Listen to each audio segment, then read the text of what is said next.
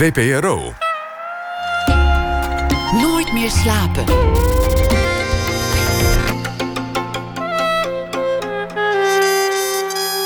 Met Pieter van der Wielen. Goedenacht en welkom bij Nooit meer slapen. The Square, een film vanaf heden in de bioscoop te zien. Een Zweedse satire op de wereld van de kunst. Aandacht daarvoor na ene.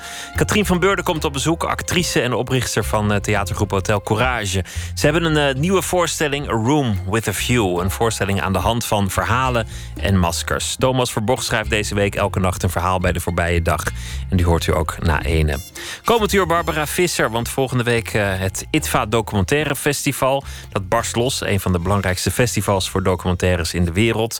En Barbara Visser is dit jaar voor het eerst de programmadirecteur.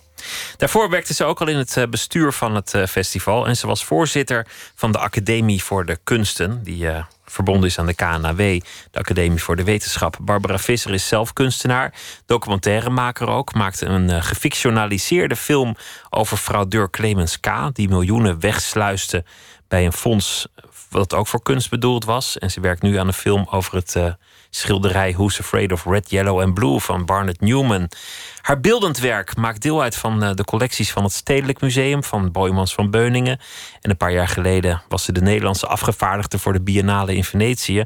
En in 2008 won ze de prestigieuze Heineken Award. En Barbara Visser is geboren in 1966. Hartelijk welkom. Goedenavond. Je hebt wel eens gezegd uh, over, over je jeugd van ja, Amsterdam in de jaren zeventig. Veel gezag heb ik eigenlijk nooit meegekregen. Uh, nee, nou, uh, we beginnen maar meteen. we gaan meteen de diepte in, hè? Meteen op de divan. Ehm, ja, Amsterdam in de jaren zeventig was een hele vrije bedoeling. En ja, het, de, de liefdevolle verwaarlozing die die trof ook mij en mijn zus. En, Liefdevolle uh, verwaarlozing. Ja, dat is een term die uh, heeft volgens mij de generatie van, uh, van mijn ouders uitgevonden. om, om hun eigen falen misschien enigszins te nuanceren. ja, het was niet dat, dat, dat, ze, dat ze niet van ons hielden. Maar het, ja, het was zo'n wilde en bijzondere tijd dat het idee dat je thuis zou blijven zitten was gewoon een beetje.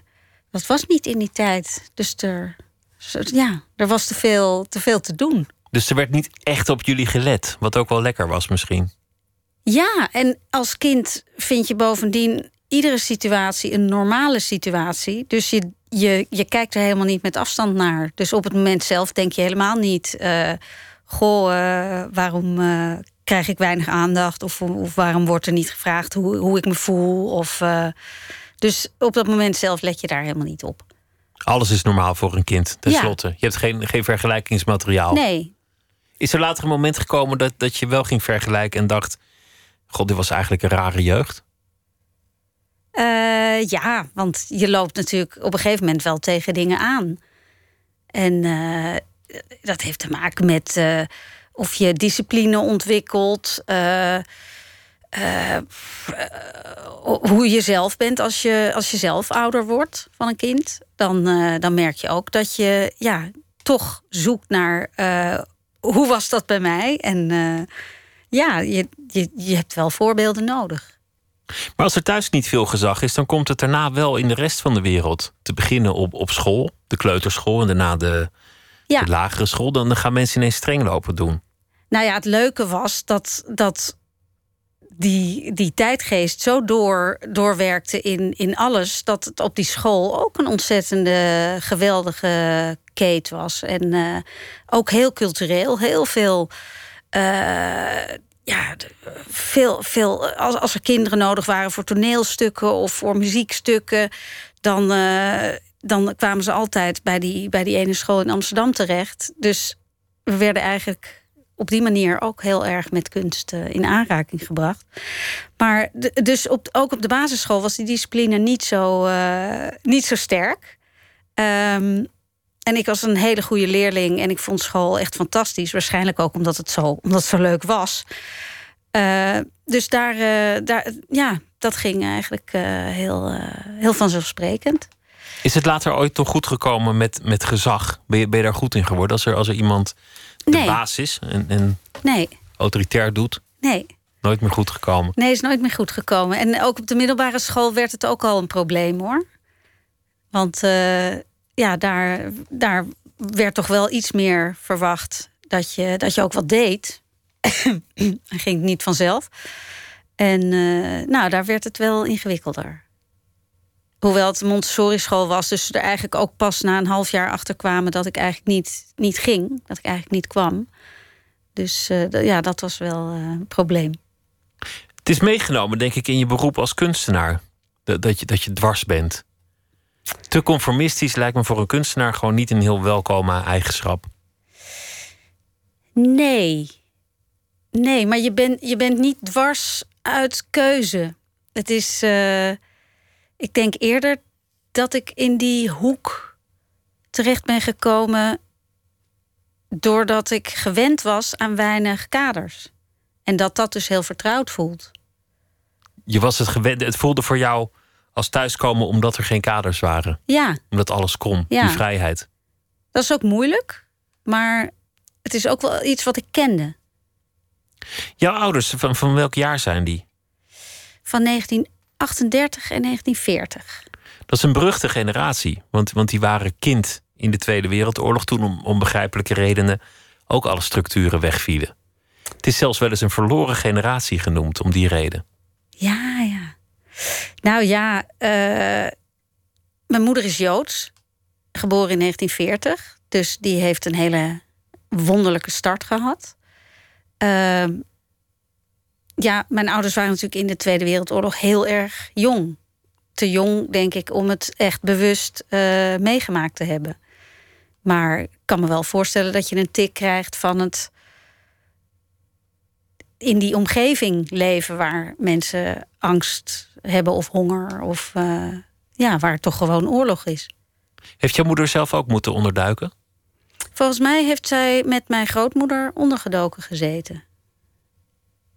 Maar eh, niet, in, niet in achterhuis, maar op allerlei plaatsen op het platteland in eh, Nederland. Wel weg geweest in, in ieder geval. Ja. Wat hebben ze jou voor jeugd meegegeven? Wat, wat, wat voor opvoeding kreeg je van ze? Want je zegt ja, het, het was heel vrij en er, er was weinig gezag. Maar wat gaven ze je wel mee?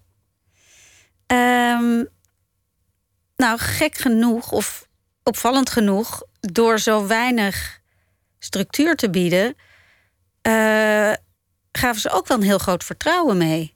Ook wel een vertrouwen van dat je dat blijkbaar kon, of dat je blijkbaar zelf eh, de goede beslissing kon nemen. Terwijl je dat volgens mij helemaal niet kan als je zo klein bent. Maar eh, ja, dat idee van wat jij doet, daar heb je blijkbaar een reden voor. En dus is het goed. Dat, dat is ook wel iets wat je meeneemt. Waren het zelf ook liefhebbers van, van kunst, je ouders?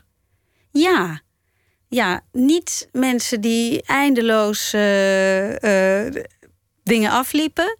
Maar eh, ja, wel ontwikkeld. Wel, ja, wel naar concerten en veel boeken. Altijd veel boeken lezen. Ehm, nou ja, ook een beetje tegen televisie, maar dan toch wel een televisie hebben. Maar dan alleen VPRO kijken. Eh, dat, dat werk. En dan eh, ook tegen auto's, maar, maar een auto delen. Weet je wel, een beetje zo. eh, niet hardcore, maar wel, wel begaan met de wereld. Wat was jouw eerste echte kennismaking met kunst dat, dat, het, jou, dat het jou trof? Weet je dat? Ja. Is, is er een moment aan te wijzen? ja, dat was namelijk met het schilderij Who's Afraid of Red, Yellow and Blue. Was meteen, dat was meteen dat eerste moment. Dat schilderij. Ja, ik, heb, ik denk dat ik daarvoor ook wel kunst al had gezien, maar dat het, ja, dat me niet zoveel had gedaan. En dat schilderij, ik weet het nog helemaal exact hoe het ging. We gingen met een klas naar het stedelijk. Dat werk hing in de erezaal. Ik was denk ik acht of negen. En eh, we liepen daarheen. En ik stond ervoor en de kinderen worden er ook een beetje ongemakkelijk van. Van ja, wat zie ik dan? Is het, weet je wel, het is niet echt een voorstelling, het is een abstract schilderij. En ik weet nog dat ik ongelooflijk kwaad werd. Echt kwaad? Maar echt Boos. woedend. Van ja, echt van ongemak. En van ja, waarom, waarom kijken we hier naar? En, en, en ik weet ook nog dat dat. Eerst was er ongemak door hoe het eruit zag. Maar toen die titel genoemd werd, toen kreeg ik het helemaal te kwaad. Want het is ook een soort provocatie, die titel. En het is ook een vraag. Dus een vraag, daar denk je van ja, daar moet je iets mee. En dat kan eigenlijk niet. Dus ik bleef er enorm mee, uh, mee zitten op dat moment. En uh, ik ben echt heel boos uh, ook die zaal uitgerend. Dus je, was niet, je was niet de enige, want, want het is natuurlijk een beroemd verhaal dat in 1986 iemand dat, dat doek gruwelijk heeft vernietigd, vernield omdat hij, dat hij ook zo boos was. En toen is hij opgepakt en daarna is hij nog teruggegaan om een ander doek in het stedelijk van Barnett Newman ook te vernielen. Ja, tien jaar later. En het is een wonder dat hij daar nog binnenkwam. er zijn nog steeds musea in de wereld die hebben gezworen nooit iets meer aan het stedelijk uit te lenen. Omdat ze denken dat de beveiliging niet op orde is door, door dat incident. Nou, ik denk dat je dat helemaal niet kan voorkomen. En, uh, nee, dan zou, zou iedereen zou dat gezicht moeten herkennen. Nou ja, er, er, er, hing een fotootje van hem uh, jarenlang uh, bij de kassa. Dus dan konden ze, konden ze goed opletten of hij binnenkwam. Maar ja, je kan moeilijk, moeilijk overal een hek voorzetten. Overigens is er later wel een soort van wal voor dat schilderij gelegd. Maar die is later ook weer weggehaald. Want het zag er gewoon niet uit. Kan je het begrijpen dat, hij, dat iemand zo boos wordt op een schilderij dat hij. Dat hij er naartoe gaat met, met, uh, met zuur en met, met een mes en met weet ik veel wat hij allemaal meenam om het kapot te maken. Uh, ja, want ik was zelf ook zo boos, hoewel ik niet overging tot fysieke uh, actie. Maar het feit dat het je zo aangrijpt en dat je er zo ongemakkelijk van wordt, dat kan ik heel goed begrijpen. Ja. Wat is dat ongemak? Dat het, dat het in een plechtige omgeving hangt, terwijl het misschien helemaal niet plechtig is? De, de gedachte dat je opgelicht wordt? Uh, nee, dat zit veel dieper volgens mij. Het heeft, ja, het heeft ermee te maken dat je. De, de buitenwereld is toch een hele lastige wereld om je in te begeven. Je, moet, je probeert uh, je probeert er iets van te maken. Je probeert te begrijpen wat mensen doen, uh, waar je bent. Uh, ja, het, het leven is gewoon best een opgave. En als je dan geconfronteerd wordt met een soort van vraag die je niet begrijpt en een beeld wat je niet begrijpt. en er wordt weinig duiding bij gegeven. En het wordt ook gepresenteerd als nou, dit, dit moet je gewoon mooi vinden en dit moet je snappen, want dit hangt in een belangrijk museum, dan is dat best uh, lastig. Je wordt aan je lot overgelaten. Ja, eigenlijk wel. En uh, in, de, in de film hebben, hebben we een, een, fragment van Edi de Wilde. Want je, je maakte nu een film over dat, dat doek. Ja, ja, ik maak een film over dat doek. Dus we hebben ook heel veel in archieven gekeken van ja, wat is er over gemaakt en wanneer is het gefilmd uh, voor, andere, voor andere doeleinden. En er zat een fragmentje in waarin Edi de Wilde, de toenmalige directeur van Stedelijk, uh, die, die wordt geïnterviewd en die zegt: Ja, ik heb een tentoonstelling gemaakt met uh, schilderijen die, die ik mooi vind. En dan zie je dat het allemaal abstracte schilderijen zijn. En dan zegt hij: Ja, uh, we hebben daar ook helemaal geen duiding aan gegeven. Want wie niet kijken kan, die, die heeft hier niks te zoeken. En toen dacht ik: Dat kan je nu echt niet meer zeggen. Dat is gewoon. Eh, het was, het was echt best wel arrogant.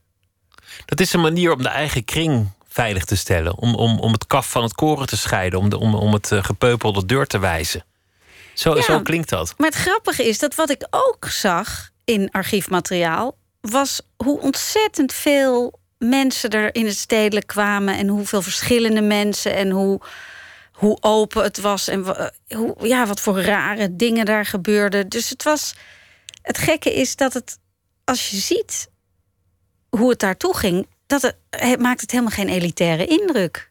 Maar wat hij zei klonk, klonk wel heel erg uh, zo. Over dat doek is natuurlijk nog de, de, tweede rel, los van, van de vernieuwing, namelijk de restauratie. Waar, waarbij uh, rollers, gewoon van die, van die muurverfrollers, geloof ik zelfs, gebruikt zijn om dat rode vlak wat, uh, wat, wat meer aanzien te geven. Nou ja, het is een, het is een heel lang en complex verhaal. Uh, Newman zelf gebruikte ook wel eens een roller. Dus het is, da, daar wordt altijd gelachen met die roller. Maar Newman deed, deed ook allerlei verschillende dingen. En die maakte ook zijn werk heel gelaagd.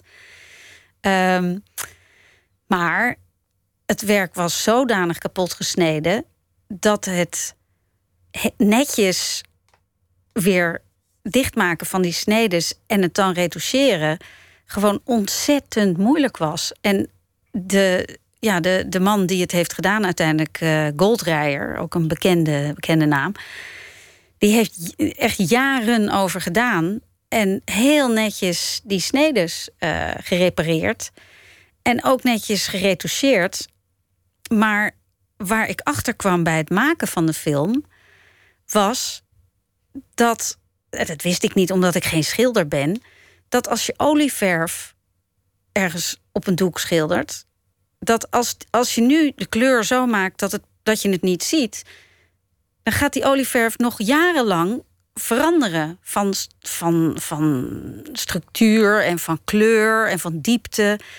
Dus je kan nooit iets maken wat ook op termijn onzichtbaar blijft. En het zou kunnen zijn dat hij daarom heeft gedacht: Nou, weet je wat, ik doe er wel even gewoon een, een dekkende laag op. Maar het gevolg was dat het schilderij terugkwam en dat kenners zeiden: van er is iets, er is iets gebeurd. Het is niet meer wat het was. En dat vind ik dan heel interessant. Dat, ja, wat was het dan? En was het een idee, een groot rood vlak met een blauw en een geel streepje? Of was het echt een schilderkunstig werk waar je totaal in kon verdwijnen? Maar jouw eigenlijke fascinatie is: wat is nou eigenlijk kunst? Wat is nou eigenlijk schoonheid? Wanneer is iets waardevol, wanneer niet? En wat houdt het eigenlijk in om, om kunst te maken? Ik denk dat mijn eigenlijk, eigenlijk fascinatie is: hoe kijken we? En, en wat gebeurt er als we ergens naar kijken? En wat projecteren we erop? Dus het gaat mij minder om het kunstwerk zelf, als wel wat het doet. De waarneming. Ja, en wat het, wat het losmaakt bij verschillende mensen. Want dat de ene een sublieme ervaring heeft bij het kijken naar dat werk en de ander er zo kwaad van wordt, dat is wat, wat het voor mij interessant maakt. Gebeurt natuurlijk in heel veel dingen. Dat, dat mensen een, een, uh, worden opgelicht met, met wijn. Is er een grote fraude geweest? Dan zeiden ze, nou, je hebt nu een hele zeldzame wijn. Het was gewoon uh, helemaal niet zulke bijzondere wijn. Ja, er was een geweldige film over. Ja, en die mensen waren achteraf nog boos toen, toen de oplichter ontmaskerd was. En, en hielden vast aan dat het hele goede wijn was. En zeggen, ik, ik weet toch heus wel wat ik proef. Ja. En dat, dat, dat is toch omdat dat brein dan helemaal gehypnotiseerd is geraakt ja. door verwachting. Ja. En dat is waarschijnlijk met kunst ook voor een deel. Dat je gehypnotiseerd wordt door een verwachting en, en er daardoor iets van maakt. Dit is niet zomaar een rood vlak. Maar dan, daar, daar wordt soms heel schamper over gedaan. Maar ik denk dat is ook heel mooi. Dus er wordt gezegd, ja, dat zijn nieuwe kleren van de keizer. Ja, maar ja, als je ze ziet, dan is het er ook. Als het in je hoofd bestaat, bestaat het. Ja, dat is eigenlijk mijn uitgangspunt. Dus ik, ja, ik, vind het, ik vind het heel mooi dat wij zoveel kunnen toedichten aan iets wat misschien van zichzelf nauwelijks iets is. Dat is misschien wel de essentie van mens zijn. Dat die holbewoners al een driehoek op een muur zetten en daar een symbool van maakten. Ja, nou ja, een symbool is natuurlijk van zichzelf al een manier om ergens betekenis aan te geven. Hadden jullie het daar ooit over toen je, toen je kunstopleiding ging doen? Was, was er aandacht voor, voor dit soort vragen? Wat doe je eigenlijk met je kijker? Hoe, hoe wordt jouw werk eigenlijk gezien? Nee. Waar ben je eigenlijk mee bezig? Nee, dat was echt totaal geen vraag. En wat, ja, wat mij ook heel erg opviel, is dat toen, het, toen dat schilderij van Newman kapot werd gesneden in het stedelijk, toen zat ik in de, het eerste jaar van de Rietveld Academie, basisjaar. En uh, nou, dan ja, je komt, je komt helemaal in die academie. En er zitten ook schilders en beeldhouwers. En ik ging dan fotografie doen. En het, het was kapot gesneden. En het was een heel klein stukje in de krant. Hè. Het was, toen was er echt helemaal geen grote rel. Het was een piepklein eh, berichtje, een paar dagen later. En het was eigenlijk ook... Binnen die academie was het ook niet echt een issue of zo. Het was gewoon... Oh ja, ja, er is iets gebeurd, ja. En pas jaren later, nadat dat gerestaureerde schilderij terugkwam... toen barstte eigenlijk pas de bom, zou je kunnen zeggen. Wat was eigenlijk de stap van, van die verontwaardiging over dat, dat schilderij als, als tiener en dan zelf kunst willen gaan maken? Wat, wat is daartussenin gebeurd? Uh, ik wilde eigenlijk nooit kunst maken, maar ik wilde gewoon doen waar ik zin in had. Je wilde vrij zijn. Je wilde, ik dacht nooit, oh, ik ga nu kunst maken. Uh, het was eigenlijk de, de prettigste omgeving om in te zijn als je iets wilde maken wat niet per se uh, in opdracht was. Of uh, ja, het is, het is de, eigenlijk de, de, de, de meest experimentele ruimte die je kan opzoeken. Dus dat, dat, ik denk dat dat daarmee te maken had. Want het was niet zo dat ik dacht, ik wil kunstenaar worden. Ik wilde eigenlijk reportagefotograaf worden. En daarvoor ging ik naar de Rietveld. En daar kwam ik achter ja, dat, dat, dat dat eigenlijk heel beperkt was. En dat ook dat hele idee van ik ga de werkelijkheid fotograferen. Ja, dat je eigenlijk heel snel merkte van ja, welke werkelijkheid dan? En uh, dat ik daar eigenlijk misschien te filosofisch voor was ook. Of dat ik en me eigenlijk al meteen voelde van... ja, maar je maakt toch een plaatje. Je bent toch helemaal niet de werkelijkheid aan het vastleggen. Je bent een plaatje aan het maken van de werkelijkheid. En dat gesprek werd daar helemaal niet gevoerd. En ik, ja, ik vond dat heel ingewikkeld. Dus ik ben toen ook binnen de Rietveld naar de kunstafdeling uh, verhuisd. Naar de audiovisueel heet dat dan. En uh, ja, daar was, daar was het een heel ander gesprek. Dit is eigenlijk een van jouw grote thema's altijd gebleven. Wat, wat is kunst en waarneming? Heel veel van jouw werk gaat, gaat daar voor een deel over. Ja, het gaat denk ik niet zozeer over wat, over wat is kunst, maar over uh, wat is cultuur. Dus ook cultuur van uh, hoe zien dingen eruit en hoe praat je met elkaar en hoe, uh, wat zijn codes en waarom is dat zo? Waarom hebben we in Nederland dit afgesproken en is het in een ander land anders? Dat, ja, het gaat heel erg over, uh, over de, het kunstmatige van, van het mens zijn. Dat is eigenlijk de essentie van wat je doet als je kunst maakt. Het is een wonder dat, dat er niet meer zijn die, die zich permanent die vraag stellen. Ik denk dat heel veel kunstenaars zich wel die vraag stellen. Tenminste, dat hoop ik. Dat hoop ik wel. Je hebt uh, ook een documentaire gemaakt over een, uh, over een oplichter. Al, alweer een paar jaar geleden. Ja. De film eh, CK. Dat ging over een man die werkte bij een, een fonds dat kunstenaars helpt en stimuleert. En hij was daar boekhouder, helemaal niet, niet de meest belangrijke man. En hij is erin geslaagd om langzaamaan dat geld weg te sluizen om, om een nieuw leven te beginnen elders. 16 miljoen was, was het aanvankelijke streven, maar uh, hij is daar met iets minder geëindigd. Hij moest het waarschijnlijk ook nog verdelen met wat handlangers. Dus, dus de gok is dat hij daar met acht ton in, in Thailand terecht is gekomen.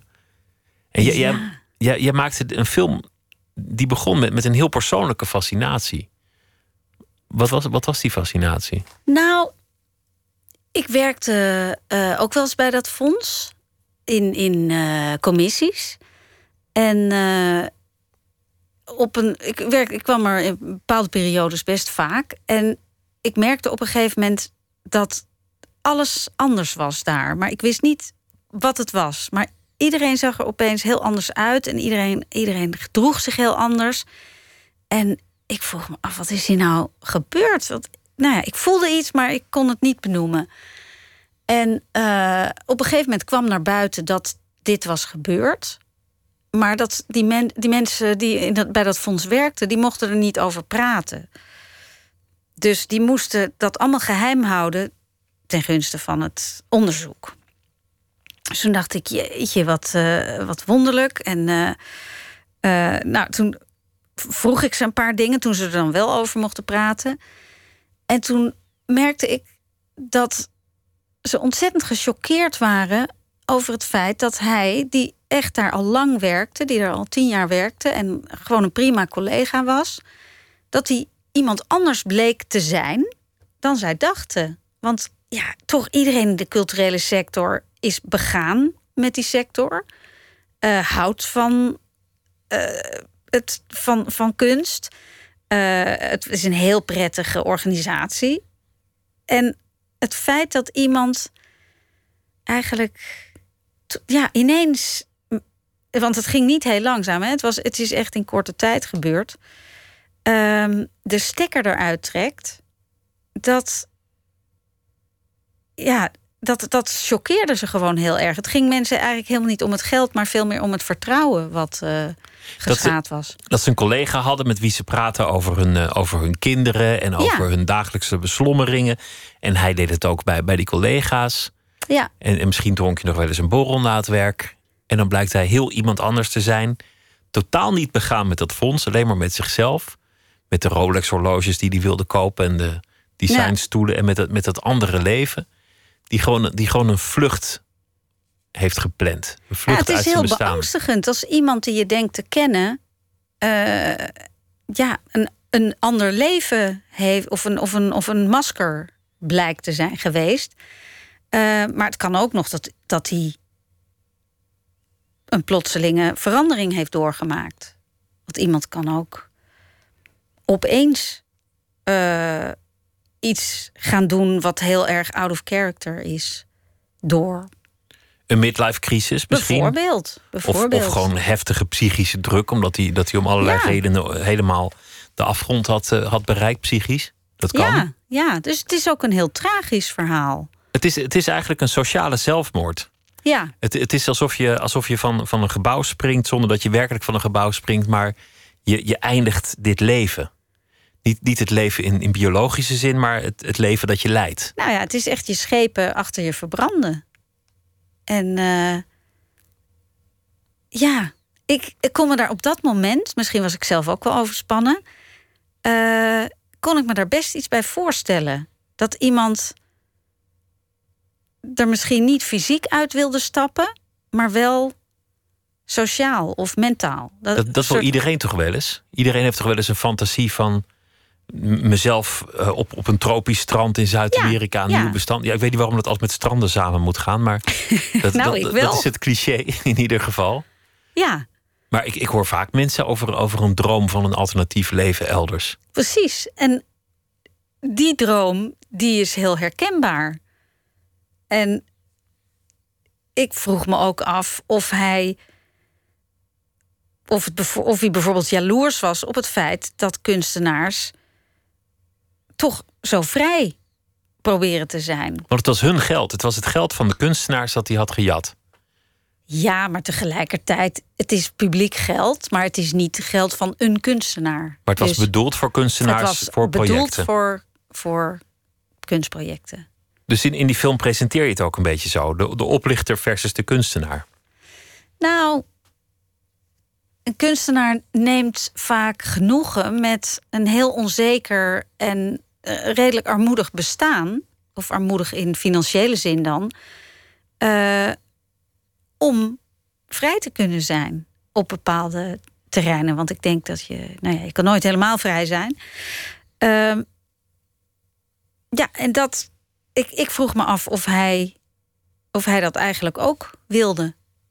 Gewoon vrij zijn. Ja, nou ja, dat dat geld. Dat, kijk, geld uh, biedt een zekere vrij, mate van vrijheid. Maar tegelijkertijd, als je al je schepen verbrandt, ben je eigenlijk helemaal niet meer vrij. Dan kan je wel aan het strand liggen, maar dan.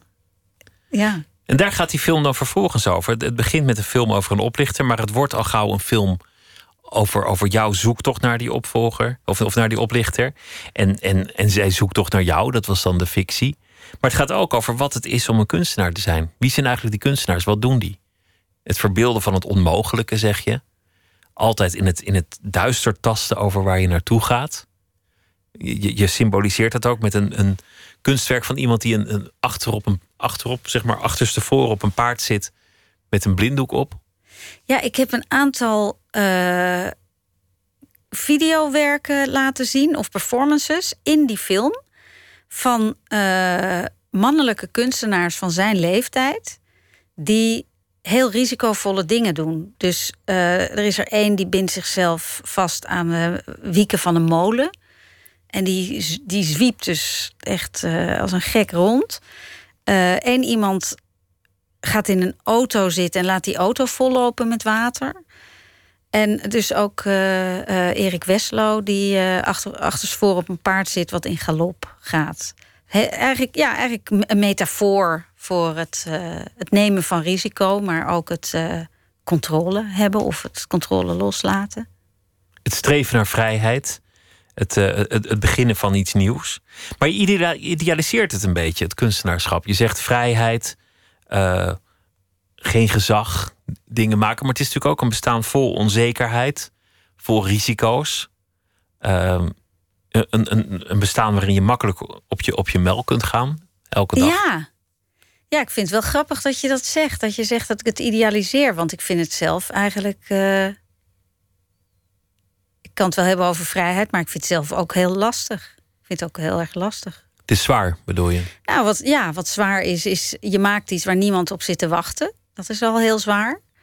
Um, de, de kunstwereld wordt uh, geregeerd door, uh, uh, ja, door regels die, die niemand kent eigenlijk. Dus je, ik, ik heb wel geluk gehad op een bepaalde manier dat ik eigenlijk altijd wel op de plekken terecht kwam waar je hoort te zijn. Tegelijkertijd kan je biennales doen wat je wil en prijzen winnen wat je wil. Maar ik verkoop echt nooit wat. Dus ja, wat is, weet je wel, het is, het is toch een hele ingewikkelde toestand. Is het een leuke wereld? Um, nou, uh, wil je een eerlijk antwoord? Ja, ja. Nou ja, als, als je het hebt over één wereld, is het wel moeilijk te zeggen. De wereld van de kunstenaar is een hele leuke wereld, want die is die gaat over onderzoek, die gaat over dingen uitproberen, die gaat over niet bang zijn, die gaat over uh, je engageren met dingen. Maar er is ook een echt een kunstwereld die, die heel erg gaat over macht en over, uh, ja, uh, over handel, over namen. Er zijn een aantal partijen, een aantal grote galeries en, en uh, verzamelaars. En die hebben gewoon de touwtjes in handen wereldwijd. En ja, dat is, dat is eigenlijk heel gek. Dat is een, wereld van geld, status en macht. En, en, heel erg politiek in zekere zin. Politiek niet in de zin van, van uh, de minister of de democratie, maar politiek van je moet de goede mensen aan jouw kant zien te krijgen. Uh, ja, maar daar heb je helemaal geen invloed op als maker. Dus dat, dat is sowieso een. Ook nog eens, je staat buitenspel eigenlijk. Ja, eigenlijk wel. Tenminste, dat gevoel heb ik. Dat het toch echt uh, een krachtenveld is waar je eventueel in kan komen of niet. Maar ja. Maar om terug te komen op de vraag, als je het zo schetst, is het helemaal geen leuke wereld. Nou, niet, eigenlijk is het geen leuke wereld om professioneel in werkzaam te zijn. Dus eigenlijk is, is amateur zijn de allerbeste positie. Ja, dat geldt voor heel veel dingen, denk ik. Ja, dat is ook maar zo. tegelijk dan ben je, ben je een amateur. Een amateur wielrenner, een amateur, een, een nou, sportvisser. dat betekent toch liefhebber? Lief, ja, ja op, op zijn Frans. Een liefhebber. Ja. Dat je het echt voor het werk zelf doet. En dat is bij jou zo? Dat is de reden waarom je het nog doet? Uh, ja, ja. Nou ja, en ook voor een publiek natuurlijk. Want je wil, je wil iets overbrengen. Dus daar doe je het wel voor. Die andere vraag, die, die, die, die een beetje zo net langskwam. Ken je iemand wel echt? Dus, dus je werkt jarenlang samen met je, met je iets wat saaie boekhoudende collega. Maar je bent hem toch wel lief gaan vinden. En ineens blijkt het heel iemand anders. Iemand die van dure horloges, snelle wagens, veel te jonge vrouwen, tropische orde en geld houdt. En die ook nog jullie allemaal bedondert en dat geld achterlaten. En je hebt hem dus eigenlijk niet gekend. En mensen voelen zich oprecht gedupeerd, begrijpelijk. Maar het is wel een interessante vraag. Kun je de ander ooit kennen? Kun je jezelf al ooit kennen? Wat is eigenlijk identiteit? Wie ben je? Ja, nou ja, dat is een vraag waar ik, uh, waar ik volgens mij ook al mijn hele carrière mee bezig ben. En als student heb je de neiging, of misschien op die leeftijd, als je student bent, heb je de neiging om heel erg te bedenken wie ben ik. En later uh, vertaalt dat zich naar, ja, wie is die ander eigenlijk? En, uh, Want dan vind je jezelf minder interessant. Nou, hopelijk weet je dan iets meer wie je bent, maar of heb je iets meer bepaald waar je staat of waar je je identiteit aan ontleent? Want dat is het vaak ook. En wat identiteit is natuurlijk. Daar, daar moet je ook niet te makkelijk over denken. Nee, dat je überhaupt weet dat dat bestaat. Dat er zoiets bestaat als identiteit. Ja, en, en, en, wat het is, hoe gelaagd een identiteit is.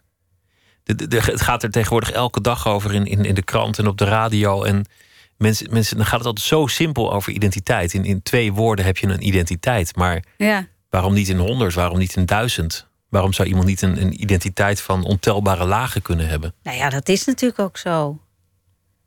Nee, ja, dat, het, het samenvatten is, is natuurlijk een manier om een grip op te krijgen.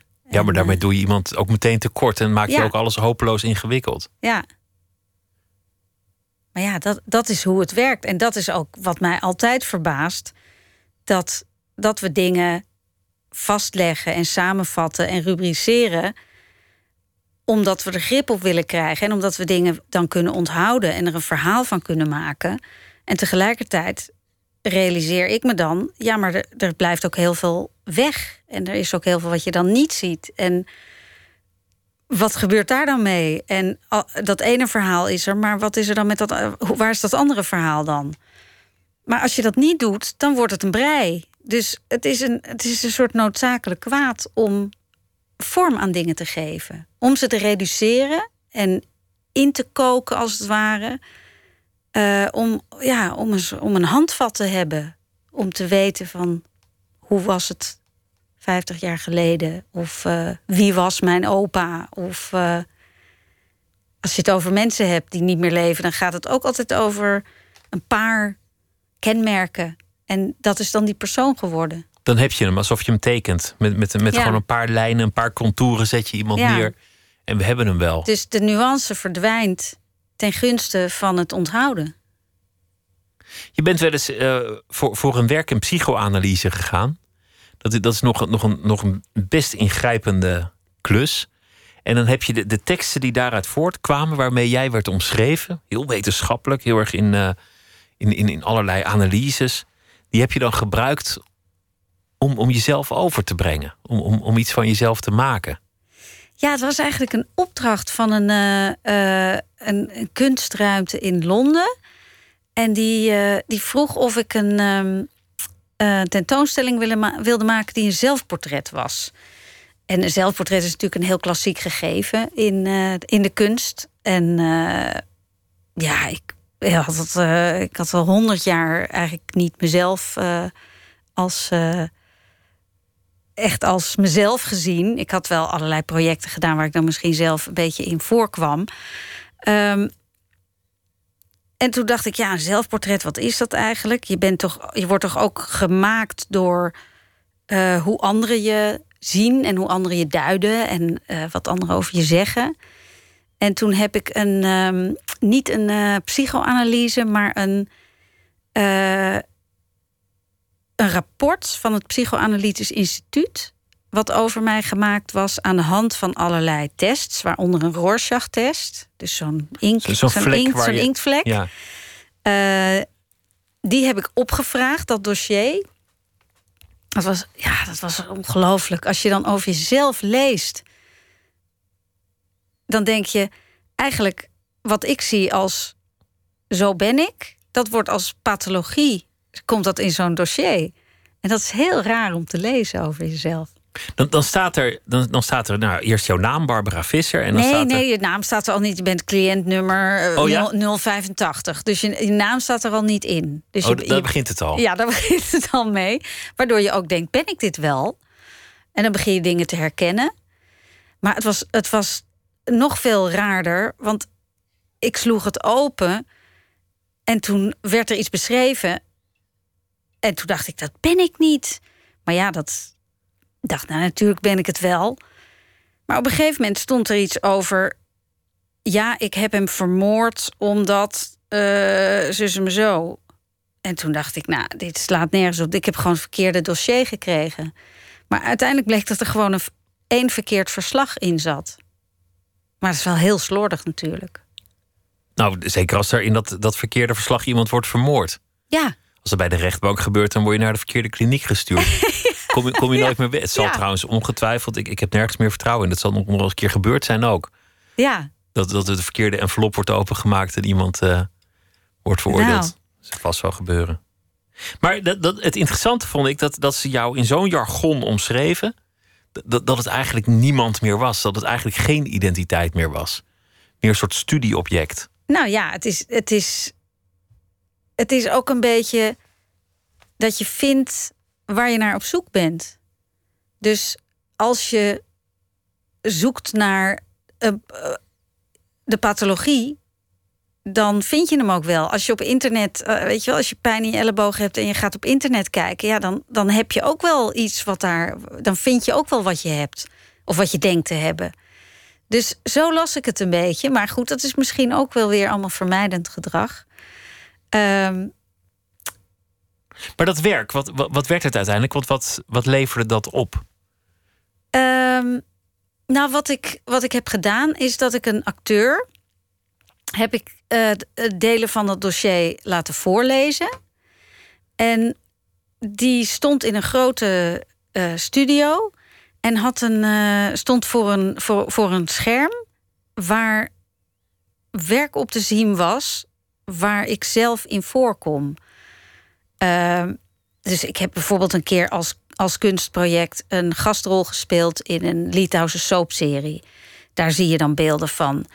En terwijl hij dus spreekt over die cliënt, oh, zie je beelden waarin ik voorkom, waardoor je ook alles wat hij zegt daar opplakt en het eigenlijk weer helemaal klopt.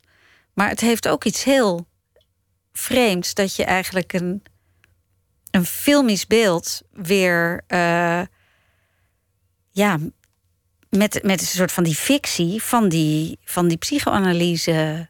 Uh, dus eigenlijk een, onder, een zelfportret niet in een paar lijnen, maar juist het tegenovergestelde: een zelfportret als een totale ontleding van, van iemands ego, persoonlijkheid en, en dan ook nog werk en uiterlijk. Dat, dat, je, dat je eigenlijk dat, dat zelfportret helemaal binnenste buiten keert. Ja. Ja, en ja, zo'n zo'n dossier, dat, dat verhaalt over je tekortkomingen en over wat je allemaal niet kan. En, je risico's en je karakterzwaktes. En... Ja. En dan is het wel interessant om al die werken voorbij te zien komen, die eigenlijk ook allemaal wel redelijk succesvol waren op hun eigen manier. Waardoor, waardoor je ook denkt, ja, daar klopt ook eigenlijk allemaal niks van. Van jou? Nou, van, eh, van het feit dat dat je omschreven wordt als een, uh, als een mislukking. Uh, terwijl eigenlijk in je handelen ben je naar buiten toe uh, redelijk succesvol. Het functioneert en iemand anders die komt dan neuzig met zijn expertise zeggen dat het eigenlijk allemaal niet kan. Dat is, dat is inderdaad ja. wonderlijk. Dat is, dat is eigenlijk ook prachtig trouwens. Je bent nu, um, je was de laatste jaren de, de, de, de voorzitter van de, de academie, van de, van, de, van de kunsten, deel van de KNAW. Nu ga je het, het ITVA leiden. Je deed daar al heel veel dingen. Je, je was altijd al een beetje betrokken de laatste jaren. Maar nu, wordt, nu ben je echt de, ja, de programmeur, zeg maar, van, van, van ITVA. Nou, het heet artistiek, artistiek directeur. En dit is mijn eerste ITVA, wat er aankomt volgende week. Nou vind ik dat interessant, omdat dat er in die documentaire wereld Ehm, nou, er, er, is wel eens op ITVA geprotesteerd omdat er een film werd getoond waarin een paar scènes waren nagespeeld. En, en er waren er uh, meer fundamentalistische documentairemakers die, die, die waren woedend dat dat daar vertoond werd. Ja. En jij bent degene van de kunstfilm die, die eigenlijk van een, een werkelijk gebeurd verhaal over een oplichter echt een fictie maakt. Moedwillig, openlijk, met acteur en al. Ja, maar dat openlijk is wel de cruciale. Tuurlijk, je moet mensen niet neppen en oplichten. Nou, ik denk. De afspraak is dat als je, voor mij, dat als je een acteur gebruikt, dat je dan ook laat zien dat het een acteur is. En op het moment dat je een acteur gebruikt, maar doet alsof hij dat niet is, dan, dan, dan kom je wel op een hellend vlak. Maar ik vind wel dat je je redelijk wat kan permitteren. En wat ook interessant is, is dat waar tien jaar geleden echt iedereen op zijn achterste benen stond over die ene scène, daar is nu echt een wereld open gegaan. Ja, die waar, waar echt iedereen het over eens is dat, dat, je, dat je echt wel heel ver kan gaan. Dus daarin is, ja, de moren zijn wel heel erg veranderd daarin. Het is wat losser geworden. Ja. Nou, en fictie en, en documentaire, ja, dat groeit toch een beetje naar elkaar toe. Want documentaire gaat ook steeds meer echt, wordt steeds meer echt filmisch en minder reportageachtig. En andersom, in de, in de speelfilm komen ook steeds meer documentaire elementen. Ja. Dingen die, die werkelijk ja, andersom ook. gefilmd worden met, met voorbijgangers op straat. Ja. Dat, dat, dat gebeurt ook steeds meer. Een van de onderdelen die, die, die ik heel leuk gekozen vond, is de, de making-of. Want er, er zijn nogal wat films waarvan de making-of uiteindelijk beter is dan de film zelf. Ja. Dat, dat de film misschien best wel leuk is, maar dat als je pas ziet wat voor drama het achter de schermen was, dat het echt te vermaak begint. Of, of dat het echt interessant wordt. Ja, maar dat is een programma wat ik een aantal jaren geleden bij ITVA heb gemaakt. Dus toen hadden ze me gevraagd om een, om een programma samen te stellen. En uh, toen dacht ik, ja, ik wil eigenlijk de making-of van een aantal films laten zien. En uh, ja, dat uh, een geweldig programma, vond ik, vond ik zelf. Ja, er zijn er prachtige van. Maar dat zegt ook al iets over jou, jouw soort keuzes. Dat, dat het maakproces... Ja. En dat het eigenlijk gaat over, over speelfilm. Dus dat is al een heel ander, ander accent. Ja. Heb je, heb je dit jaar ook dat soort programma-onderdelen kunnen toevoegen? Uh, nou, wat, wat we bijvoorbeeld dit jaar doen is uh, in het licht van het feit dat documentaire echt steeds meer cinematografie wordt, hebben we bijvoorbeeld een programma over camera, waar, waar ook veel cameramensen bij zijn. Uh, die vertellen over waarom ze bepaalde keuzes maken, hoe ze dingen in beeld brengen en wat dat betekent voor een verhaal. Dus dat, dat gaat heel erg over het maken van ook weer. Het maken van de films. Het is een heel andere wereld dan, dan de wereld van de kunsten, waar je de, de laatste jaren ook een soort organisatorische functie in had. Docu Documentairemakers hebben veel meer een cultuur, denk ik als buitenstaander, om, om even met elkaar te gaan zitten, te drinken en over dat vak te praten, om discussies te voeren. Terwijl beeldend kunstenaars, die, die zijn veel meer met zichzelf bezig. Die zullen volgens mij niet snel een forumdiscussie gaan houden? Nou, die Vergis zijn er wel. Die zijn er wel. Want bij die Academie van Kunsten uh, was het ook de bedoeling dat veel kunstenaars die daarbij aangesloten waren ook in debat gingen over dingen. Dat deden ze ook. Maar het klopt wel dat in de documentaire wereld dat het veel socialer is. Enerzijds omdat je elkaar veel meer nodig hebt, denk ik. Het is, een, het is toch een groepsproces, een film maken. Um, maar ook dat het zijn ook mensen die begaan zijn met de wereld, toch? In veel opzichten. En ja, in die zin is het, uh, is het wel een hele, vind ik, een hele fijne wereld om je in te bewegen. Het is heel, ja, als je op een festival komt, dan praten, praat iedereen die je spreekt over film.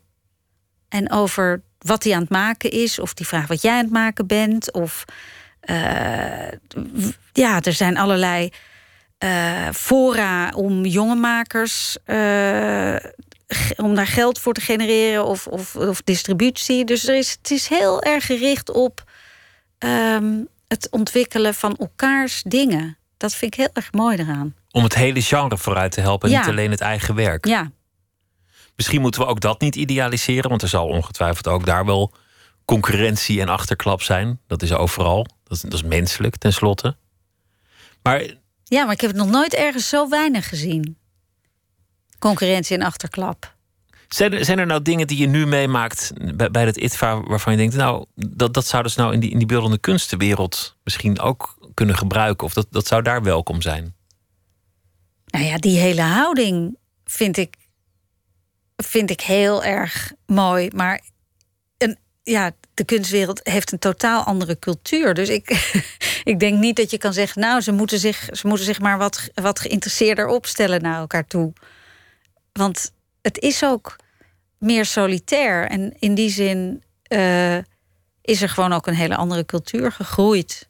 Maar je schetste net een, een, een, tamelijk somber beeld. Want je zei het gaat eigenlijk over geld, status, macht.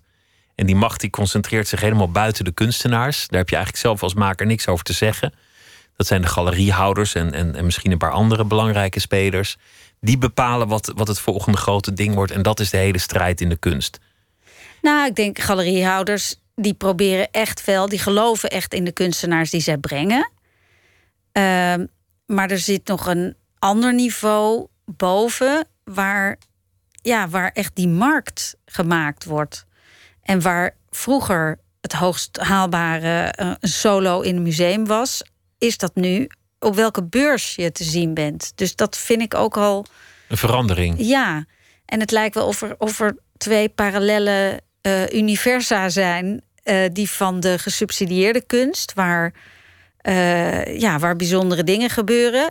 En de commerciële kunst. Dat dat steeds verder uit elkaar drijft. En dat vind ik jammer. Want dat is volgens mij ook niet hoe het moet zijn, maar ook niet hoe, hoe galeriehouders het eigenlijk willen. Jouw rol verandert wel langzaam. Eerst, eerst ben je gewoon een, een, een kunstenaar en, maak je gewoon je dingen.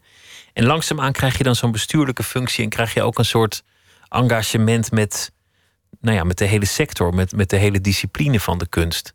Word je, word je misschien een, een voorvechter of een ambassadeur.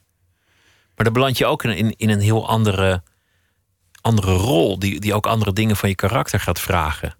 Ja. Heb je dat gemerkt? Ja. En ik weet, ik weet ook niet of ik het karakter helemaal heb. Word je driftig?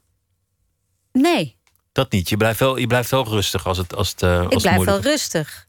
Dat is belangrijk. Maar ik ben bijvoorbeeld niet heel georganiseerd. Dus uh, ik moet eigenlijk gewoon altijd een secretaresse hebben. Nou is dat voor een directeur niet zo gek. Maar uh, ja, het is. Kijk, ik, ik ben in dat, in dat beleidsmatige terechtgekomen... eigenlijk uit onvrede met die wereld waar ik in zat. En ik had het idee, ja, je kan wel lopen mopperen... maar je kan ook denken, hoe kan ik aan de knoppen draaien? Hoe kan ik iets doen wat niet alleen voor mezelf goed is... maar waar, waarmee je dan tegelijk die, die, je, je vakgenoten een beetje vooruit helpt... of iets verandert in het systeem. Nou ja, het systeem willen veranderen is natuurlijk... Uh, heel naïef dat je denkt dat je dat kan. Uh, maar ja, eigenlijk via besturen en ja, het meepraten en het mee kunnen denken over hoe zitten dingen nou eigenlijk in elkaar. Uh, ik vind dat kunstenaars die verantwoordelijkheid ook best kunnen nemen. Ik denk dat het wel moet. Het, het geld raakt op aan de ene kant en het geld kan niet op aan de andere kant. Dus de hele commerciële kunst, daar is nog nooit zoveel geld in omgegaan in de geschiedenis. Ja. En, en, en zeg maar het, het hele systeem waar het vandaan moet komen, dat, dat is volledig opgedroogd. Wat natuurlijk een soort, een soort, een soort rare, uh, raar fabricatieproces maakt. Ja, het, ja, het is niet volledig opgedroogd, maar het, uh, er is wel een uh, ontzettende aanslag op geweest. En dat, is, dat wordt maar mondjesmaat gerepareerd. Dus dat is heel jammer. Het is net nou, alsof iedereen biefstuk wil, maar niemand nog, een, nog, nog koeien op de wereld zet. Ja, en, Slechte vergelijking, maar er kwam nou geen betere. Ik, ik, vind het jammer dat de, dat de overheid te weinig beseft dat een, een, gezonde, gezond kunstklimaat echt de basis van een democratie is. Dus het, wordt altijd maar gezien als iets wat je erbij hebt, als iets extra's. Ja? Als je dan alles in orde hebt, dan kan je ook nog naar het museum. Of dan kan je ook nog. Terwijl juist de vrijheid om, om te zeggen wat je wil en te maken wat je wil dat is een ongelofelijke eh, luxe die wij hebben hier. En ik vind dat, dat daar te weinig. eh, Ja, dat we ons daar te weinig rekenschap van geven. Maar er waren ook toen, toen die bezuinigingen speelden heel veel kunstenaars die dan, die dan zelf op televisie zeiden: Ja, ik snap natuurlijk ook wel dat een verpleeghuis belangrijker is en dat er bezuinigd moet worden. Toen dacht Ja. ik, als dat je ambassadeurs zijn, nou, dan, dan, dan heb je verloren.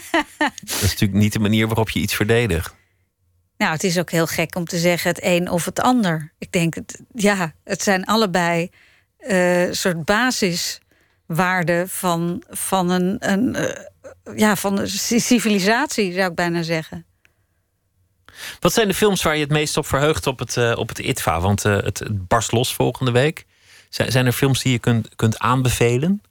Ja, ik kan ontzettend veel films aanbevelen. Ehm, jeetje. nou ja, iets, iets wat, wat heel leuk is, is dat we sinds vorig jaar in Carré een programma hebben. En Carré is natuurlijk een enorme eh, mooie plek, ook voor films. Eh, dus we hebben een Carré-dag met echt grote films. Dus ook voor een, voor een groter publiek.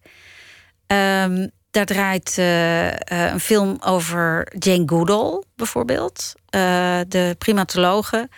Met materiaal van haar man destijds. Die destijds nog niet haar man was, maar die wel heel erg verliefd op haar was. En eh, dat materiaal heeft, heeft heel lang in de kluis gelegen en eh, is, is, is teruggevonden.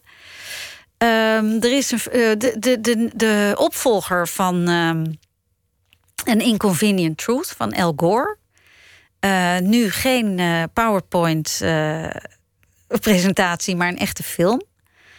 Ehm, dat, is, dat is ook fascinerend om te zien. Ehm, er is een film van Ai Weiwei, kunstenaar, over vluchtelingen. En eh, dat is een eh, soort megaproject waarbij hij met 200 man eh, over de wereld is getrokken om vluchtelingenstromen in beeld te brengen. Ehm, Nou, hou maar op. Het, van de veel bijzondere dingen, ja, zo, zo te horen. Dankjewel dat je te gast wilde zijn. En het ITVA-festival is eh, volgende week eh, begint het. En het duurt elf dagen in Amsterdam. Barbara Visser, dankjewel. En eh, een hele goede nacht. En veel succes met het, met het festival en alle andere dingen. En zometeen gaan we verder met Nooit meer slapen. Onder meer met een verhaal van Thomas Verbocht. Twitter, het VPRO NMS. We zitten op Facebook en u kunt zich abonneren op de podcast via iTunes. Of de site van de VPRO. vpro.nl slash nooit meer slapen.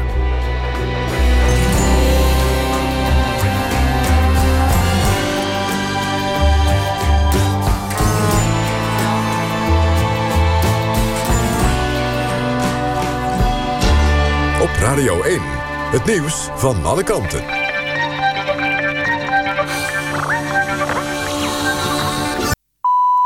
1 uur, Christian Bonenbakker met het NOS Journaal. De Amerikaanse acteur John Hillerman is overleden. Hij was vooral bekend van zijn rol in de komische detective-serie Magnum P.I. uit de jaren 80. Hij speelde daarin Jonathan Higgins, de Britse beheerder van het complex op Hawaii... waar privédetective Magnum woonde. De Amerikaan had zichzelf voor die rol een Brits accent aangeleerd. De snobistische Higgins en de nonchalante Magnum lagen voortdurend met elkaar overhoop. Voor zijn rol als Higgins won Hillerman een Emmy en een Golden Globe. Eerder was hij een succesvol toneelacteur. Hij speelde ook in meer dan twintig films... en twee keer een gastrol in de tv-serie The Love Boat. John Hillerman was 84 jaar. Na vier maanden in het Caribisch gebied is het marineschip Zeeland weer bijna terug in Nederland. Het patrouilleschip legt vanochtend aan in Den Helder... waar de tientallen bemanningsleden worden herenigd met hun familie.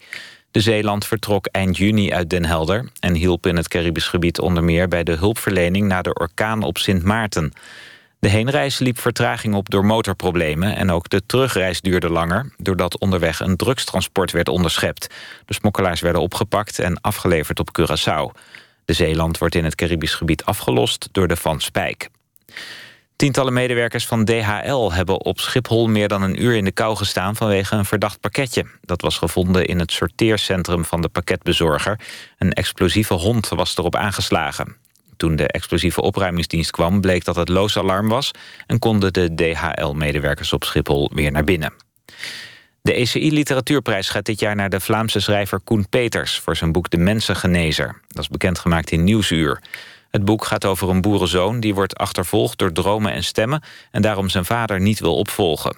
Als winnaar van de ECI Literatuurprijs krijgt Peters een bedrag van 50.000 euro.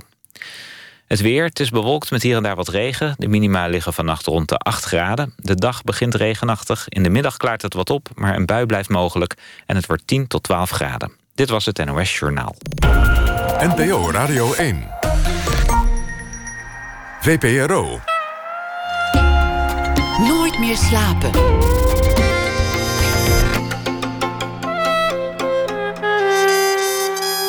Met Pieter van der Wielen. Vandaag ging de film The Square in première. Een satire op de museumwereld van een uh, Zweedse regisseur, Ruben Östlund.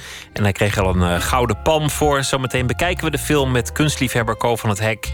En uh, eh, VPRO-collega Gerhard Busch van cinema.nl. Die hoor je er ook over.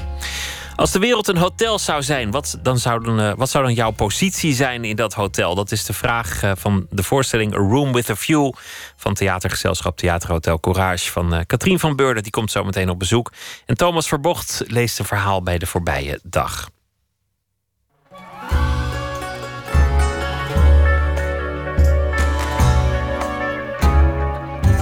Bij een verjaardag hoort een uh, verlanglijstje. En van alle dingen die je zou kunnen vragen voor je verjaardag, vraagt Marten Singelenberg, die uh, afgelopen dag 27 werd, een bioscoop.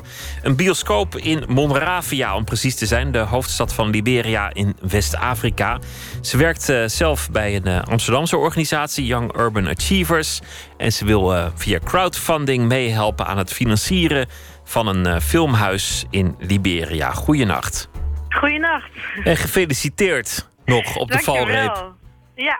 27 geworden, toch? 27 geworden vandaag, ja. Nou, dat zijn de hele mooie jaren. En een, en een bijzondere wens voor de verjaardag, namelijk uh, via crowdfunding een uh, bioscoop in Monrovia te Liberia, West-Afrika. Ja, klopt. Ja. Hoe is dat idee ja. ontstaan? Nou, uh, ik heb uh, zelf bij een bioscoop in Amsterdam uh, gewerkt, zes jaar lang als student, Criterion. En toen ben ik gaan werken voor een stichting Young Urban Achievers.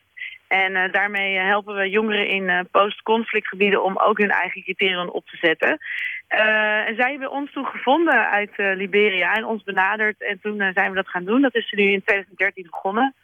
En nu zijn we er bijna. Dus 50.000 euro ophalen in twee maanden. En dan uh, kunnen ze open in uh, zomer van 2018. Criterion heeft al eerder zoiets gedaan, namelijk meegeholpen met het opzetten van een bioscoop in Sarajevo. Ja. Alweer een, een tijdje terug. Wa waarom, waarom vragen ze jullie hulp in eigenlijk? Waarom hebben ze jullie nodig? Ja, dat, uh, dat is inderdaad een goede vraag. Nou, uh, de reden, hoe dat, wil, wil je nu over Sarajevo weten of over Liberia? Nou, Liberia, laten we het actueel in Liberia. houden. Ja, um, in Liberia hebben ze ons gevonden via een NGO Spark. Uh, we waren eigenlijk een groepje studenten daar met een idee voor een onderneming.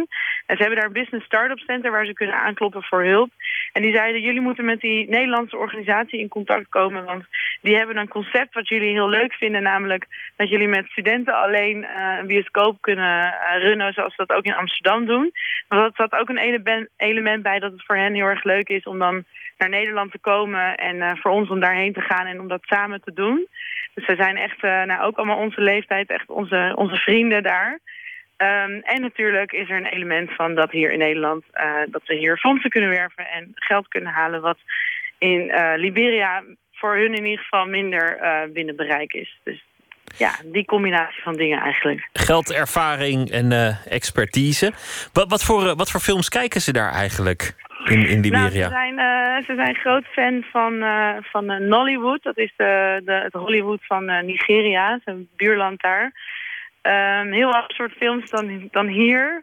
Veel dramatischer opgezet, om het, om het zo maar te zeggen. En veel andere soorten verhoudingen tussen mensen ook. Ze houden ook van Bollywood uit India. Ehm, maar ze zijn ook groot fan van de films van Charlie Chaplin die zijn een enorm succes gebleken. Ook toen wij daar waren voor de filmvertoningen... kwam het hele, de hele stad liep uit. Me mee te schreeuwen en lachen en praten. Dus ja, dat, het wordt een combinatie van, van die dingen dat ze gaan programmeren. Nou, dat, dat, dat klinkt goed. Ze zouden Charlie Chaplin trouwens in Criterion... ook een keer weer op groot doek moeten vertonen. Dat is hartstikke ja. leuk. Ja. Maar goed, hoe ver zijn jullie nu? Want je, je was vandaag jarig en ik weet, ik weet niet hoeveel vrienden jij hebt. Ja, uh, ja er, er, ik had vandaag inderdaad een uh, actie op Facebook gedaan. Ik zei, uh, voor mijn verjaardag wil ik eigenlijk heel graag dat mijn vrienden in Liberia dit kunnen doen. Dus voor elke donatie die er vandaag gedaan wordt, leg ik er 5 euro bovenop. Nou, nu ben ik zelf net afgestudeerd, dus ik moest het daar nog even bij houden. Maar er zijn tien vandaag tot nu toe binnengekomen. We zitten nu op 13.300 euro. Waarvan één hele grote van 1000. Dus om daar 5 euro bovenop te leggen, dat is prima. Maar ja, zover zijn we nu. En uh, eh, 50.000 moeten we ophalen. We hebben nog 34 dagen voor. Dus is een uitdaging, maar we hebben zeker goede hoop. Een heel, heel leuk project om in, uh, in, in zo'n gebied een, een bioscoop van de grond te krijgen met een uitwisseling met uh, Criterion. Ik hoop heel erg dat het je gaat lukken. Marten Singelenberg, dank je wel. Goeienacht. Dank je wel. En nog een fijne nacht.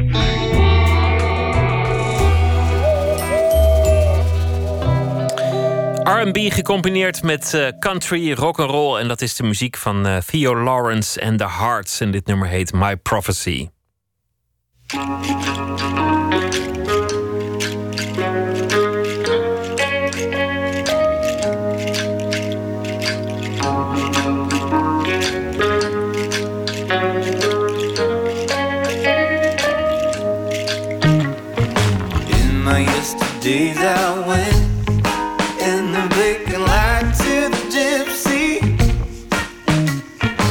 Stepped into the velvet tent. She was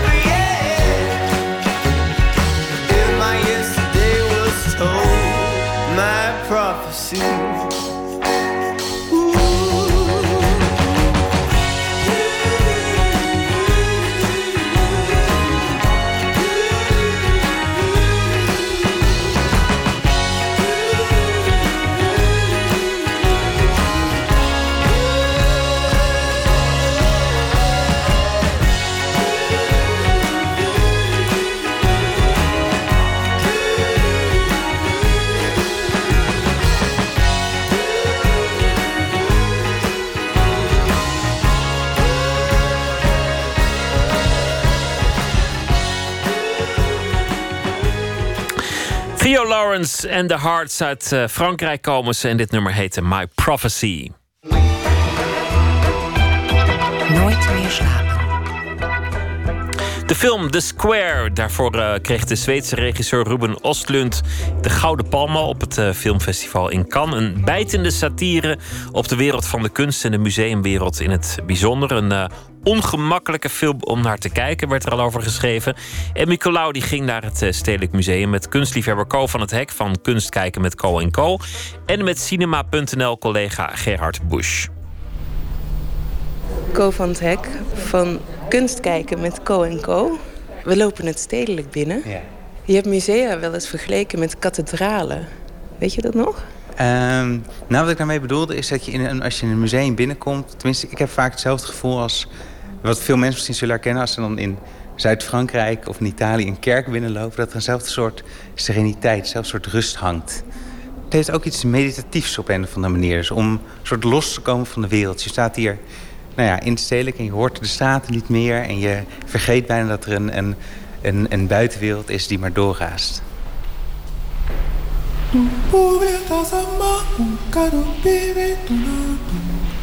Het museum kan een plek zijn om te ontsnappen aan de buitenwereld.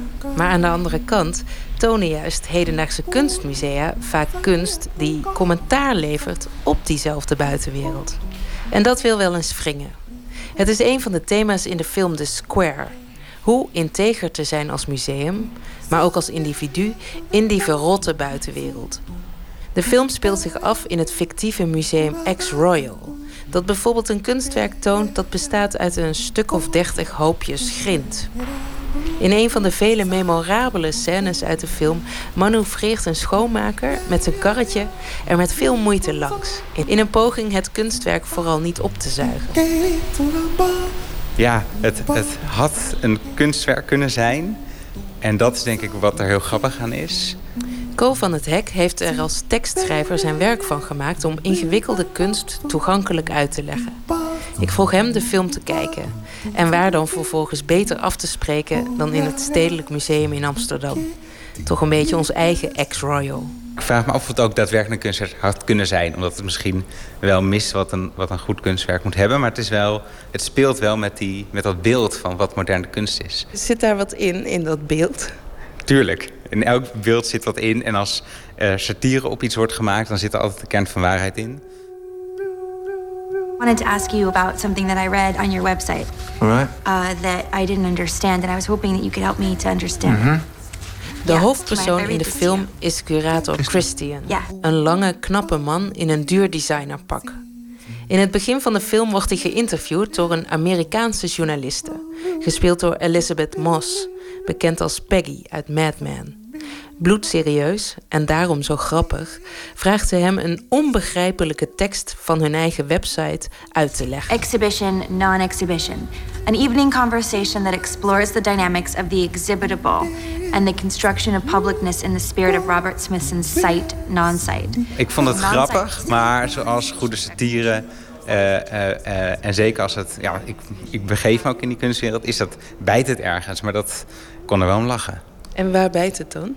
Dat het een, de kunstwereld, de moderne kunstwereld, toch ergens een beetje losgezongen is misschien van de echte wereld. De curator van het Ex-Royal is bezig een tentoonstelling rondom de Square te maken. Ja, en de Square, dat is een vierkant op de vloer. En daarbinnen zou dan vertrouwen en respect moeten heersen. Leuk detail, het is een kunstwerk dat de regisseur ooit zelf echt gemaakt heeft. De curator in de film is een integere man. Of althans, dat lijkt hij van zichzelf te vinden. Hij heeft het beste voor met de wereld, maar wanneer zijn telefoon en portemonnee op absurdistische wijze worden gerold, reageert hij verkeerd. En daarna gaat het van kwaad tot erger. Met collega Gerard Bush van Cinema.nl praat ik in de catacombe van het VPRO-gebouw verder over de film. Die volgens hem over nog zoveel meer gaat dan alleen die museumwereld. Over politiek correct zijn, over, uh, over kuddegedrag. Bush gaf de Square vijf sterren. Hij is een bewonderaar van het werk van regisseur Ruben Östlund. En hij interviewde hem vele malen de intentie bij alle personages van, van uh, Östlund en al zijn films is in principe goed. En dat maakt zijn films denk ik ook wel heel goed. Het, er zit er geen schurk in. Dus dus eh, het kan iedereen overkomen, dat wil hij maar mee zeggen. En er zitten ook geen helden in. Als er iets niet in zijn films zit, zijn het helden. Want uh, om te beginnen gelooft hij niet in helden. Dat heeft hij al een paar keer verteld. En uh, hij, voor zijn films uh, gaat hij ook heel vaak uit van sociologische studies. En hoe meer van die studies je bekijkt, hoe minder je zou geloven in helden. Want de mens reageert nu eenmaal in de regel niet als held. En, en dat is die sociologische studies. Eh, nu dus weer dat, dat omstandereffect, dat zit erin. En het kuddegedrag. Uh, hij is daar gewoon heel eerlijk in. Een van de hoogtepunten van de film is een scène waarin tijdens een chic diner ter ere van de nieuwe mecenassen van het museum er een performance opgevoerd wordt. Een man verkleed als aap komt de zaal binnenrennen. Hij rent rond de tafeltje, springt erop, trekt op een gegeven moment zelfs mensen aan zijn haren. En, maar waar het om gaat is dat er dan een hele groep van 50, 60 man zit daar netjes te eten. En ziet gewoon hoe die aap, hè, is geen aap, maar goed, hoe die man, die performance kunstenaar, uh, steeds verder gaat. En ze grijpen niet in. Het enige wat ze doen is naar beneden kijken en hopen dat omdat ze onderdeel van die kudde worden. Dus dat ze zich daar een beetje in kunnen verstoppen. En zolang iemand anders maar wordt gepakt, blijven ze stil. Nou, dat blijkt uit veel socio uh, sociologische studies. En hij verbeeldt dat, dat natuurlijk weer op een hele intelligente en grappige en ook visueel prachtige manier. We staan hier voor Barnett Newman. Ja, een van mijn favoriete werken. Ja, blauw met een witte streep. Vat ik het maar even kort zijn. Ja, ja, het is een heel groot blauw doek. En de, het is een heel veel laagschilder, waardoor een heel erg diepte in ontstaat. Waardoor je echt ja, daarin kan, kan verdwijnen. Een soort hypnotiserend effect heeft het. Ja, ik wil even die kant op lopen. We lopen nu door een ruimte waar een werk te zien is van Carlos Motta. En dat gaat over uh, LG, LHBTQI vluchtelingen. Ja. En dat doet me wel een beetje denken aan wat ook in de film zit. Dus dat contrast tussen die mensen die allemaal heel goed op de hoogte zijn, die heel erg geëngageerd zijn, heel erg betrokken. Mhm. En musea die uh, aandacht besteden aan dat soort onderwerpen, maar inderdaad daar ergens helemaal losgezongen van zijn. Mhm. Dus je ziet in de film ook allerlei daklozen op straat, waar dan ja, die curator in zijn strakke pak aan voorbij loopt. Want ja, je, je kan niet anders. Ja. Is dat een probleem wat je ziet in de kunstwereld? Dat ze daarmee worstelen? Ja, maar ik denk dat dat eigenlijk een, dat dat, dat dat een probleem is van, eigenlijk van de hele samenleving als geheel. We zien uh, allemaal zwervers voorbij lopen en we geven misschien af en toe eens wat, maar we lopen er ook heel vaak gewoon aan voorbij. Terwijl we ondertussen bezig zijn met onze eigen kleine werk of onze eigen bezigheden die we zelf allemaal heel erg belangrijk vinden. Uh, maar die uiteindelijk als het gaat om direct mensen helpen, uh, daar misschien weer wat minder aan bijdraagt. En ik denk dat het, die film over dat soort vraagstukken gaat. Maar ik denk dat dat net zo goed geldt voor bankiers of boekhandelaren of noem maar wat. Uh, uh, ja, of mensen die een kunst, uh, kunstprogramma maken. Precies. dat je ook op, misschien op de weg hierheen iemand op straat hebt zien zitten... en daar volgens niks mee hebt gedaan, terwijl je het wel heel erg vindt. En ik denk dat de film ook over dat soort vragen gaat. Het is een hele ongemakkelijke film. En dat zit eigenlijk in al die scènes. Hoe krijgt hij dat voor elkaar dat je ja, in je bioscoopstoel een beetje op en neer gaat zitten schuiven... omdat het bijna niet om aan te zien is op een gegeven moment. Hoe krijgt hij dat voor elkaar? Nou, ik denk vooral omdat de situaties inleefbaar zijn. Omdat je zelf niet goed weet wat je zelf in die situatie zou doen. Hij zegt altijd, uh, ik stop mijn film vol met dilemma's. En dat zijn dan uh, problemen waar, twee, waar twee antwoorden zijn. En eigenlijk zijn alle twee verkeerd. En je kan als kijker heel goed inleven waarom het misgaat. En je kan je ook nog voorstellen dat je hetzelfde zou hebben gereageerd. Nou ja, en dan, en dan, ja, dan, dan voel je er te veel mee en dan word je dan erg uh, ongemakkelijk van. Ook Co van het Hek kreeg een wat ongemakkelijk gevoel van deze film. Ik, ik denk dat er heel veel ongemakkelijke scènes in zitten. Er zit een seksscène in. Dat is denk ik de ongemakkelijkste seks die ik, waar, die ik me kan voorstellen. Uh, er zitten gesprekken in en na de seks, eh, eh, of eigenlijk een paar dagen daarna, eh, tussen, tussen hem en haar, die ook zeer ongemakkelijk is. De performance van de, uh, de performancekunstenaar die de aap speelt is een zeer ongemakkelijke scène. Eigenlijk is het een hele ongemakkelijke film. En ik hou daar wel van. En ik denk dat dat in die zin raakt het misschien ook wel weer aan moderne kunst. Het is soms ongemakkelijk om naar iets te kijken, omdat je het niet misschien direct begrijpt of niet gelijk voelt. Maar dat is wel. Uiteindelijk is het ongemak, is, is, kan best een lekker gevoel zijn misschien. Vijf sterren geef ik eigenlijk alleen aan films die uh, iets met me doen.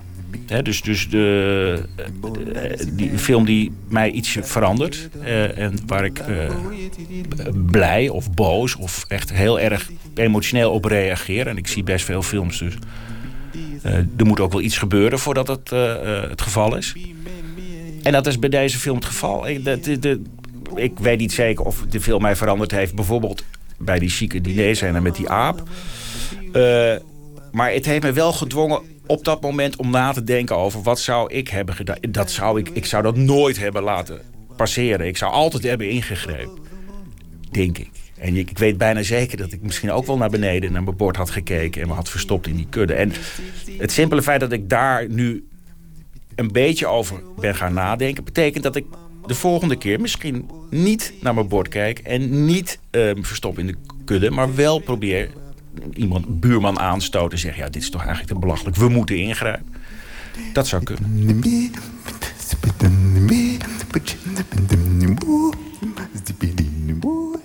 The Square vanaf heden te zien in de bioscoop. Emmy Colau in gesprek met Co van het Hek van Kunst kijken met Co en Co. En met Gerhard Busch van cinema.nl. En hij heeft een interview eh, met regisseur Ruben Östlund. Die je kunt terugkijken op vpro.nl slash cinema. Morgen verschijnt een eh, nieuw album van eh, de Zweeds-Japanse Sumi. De titel daarvan is Lost in Light en dit nummer heet Fortune.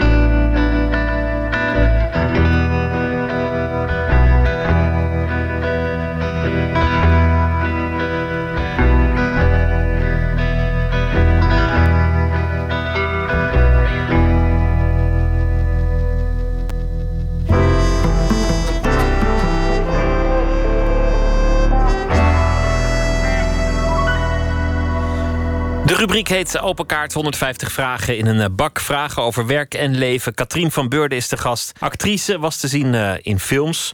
Onder meer de wederopstanding van een klootzak, De Storm en de Nobelprijswinnaar.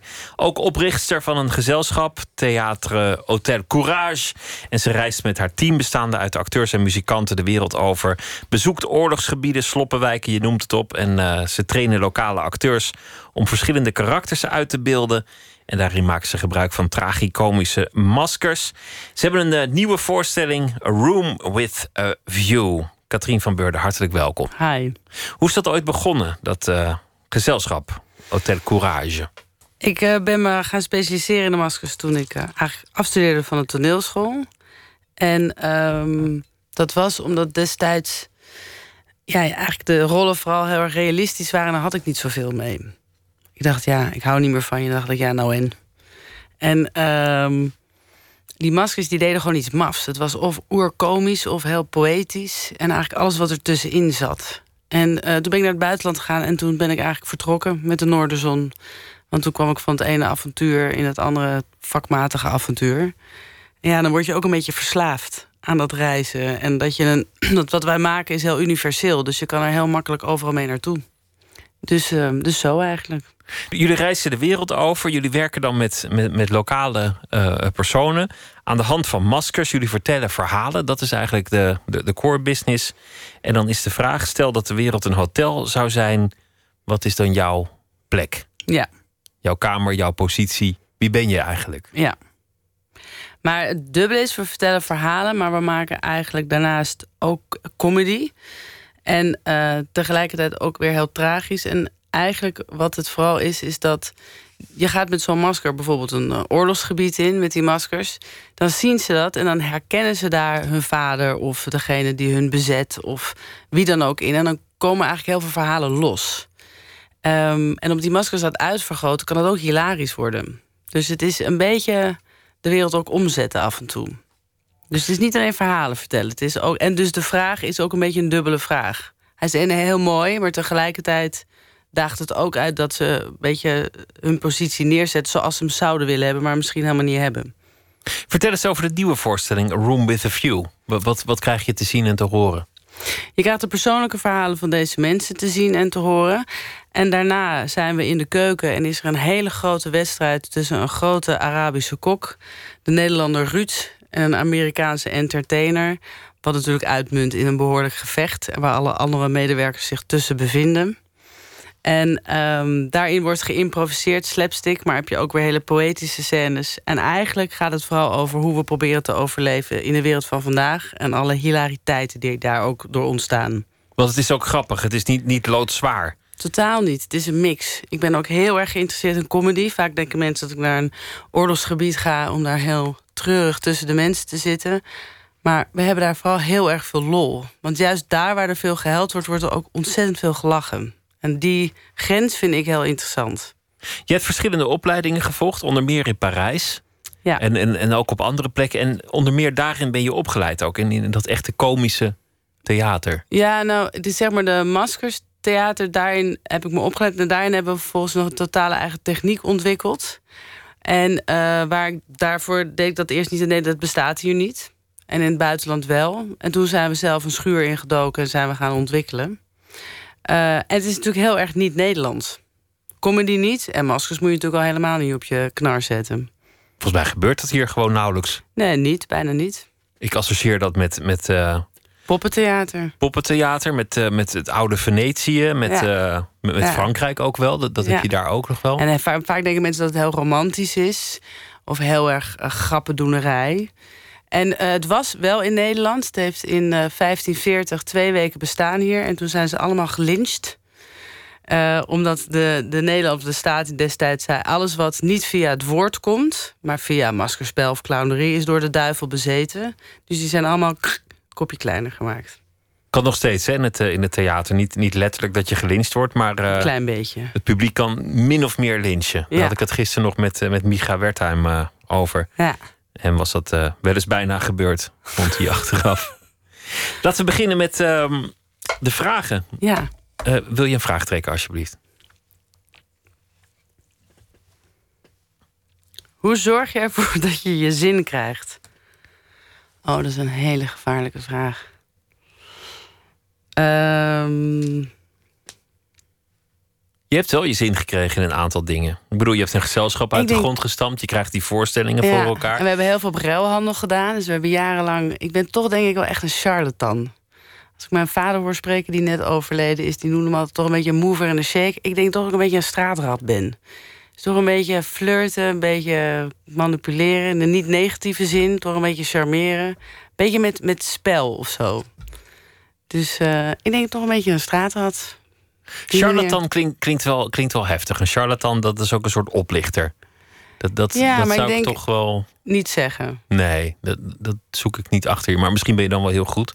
Nee, maar misschien bedoel ik het een beetje gekscherend. Maar ik denk wel dat je... eh, wat je ook heel veel... eh, ook als je reist... Het is ook een beetje overleven als je de wereld overtrekt. Dus oplichten is een groot woord. Maar je moet soms wel een glimlach inzetten... of je moet soms wel net een spel spelen. En dat is ook heel erg leuk om te doen. Dat, dat is dat een beetje vies. Maar het is ook heel erg leuk om te onderhandelen... als je op bepaalde markten staat. Of als je. Het is ook heel erg leuk om te doen. Dus ik hou er eigenlijk ook wel een beetje van. Maar je hebt het ook allemaal wel boete toepassen om, om dit voor elkaar te krijgen. Een gezelschap heb je niet zomaar. Een, een theater krijg je niet zomaar. Zo'n podium. Nee. Maar ik moet je, dat, dat klopt. Alleen, eh, ik denk het werk wat we doen, de mensen die het doen, vinden het ook super leuk om te doen. En eh, dat gaat ook over een hele lange adem hebben. Ik geloof ook heel snel heel erg in wat we doen. Ja, en dan is het ook jarenlang op tomaten, eh, of alleen maar tomaten eten en een hele lange adem hebben. Ik ben natuurlijk ook al heel lang bezig. En de mensen om mij heen, die hadden dat eigenlijk ook. Dus dat, dat helpt ook heel erg. Dat je langer termijn durft te denken.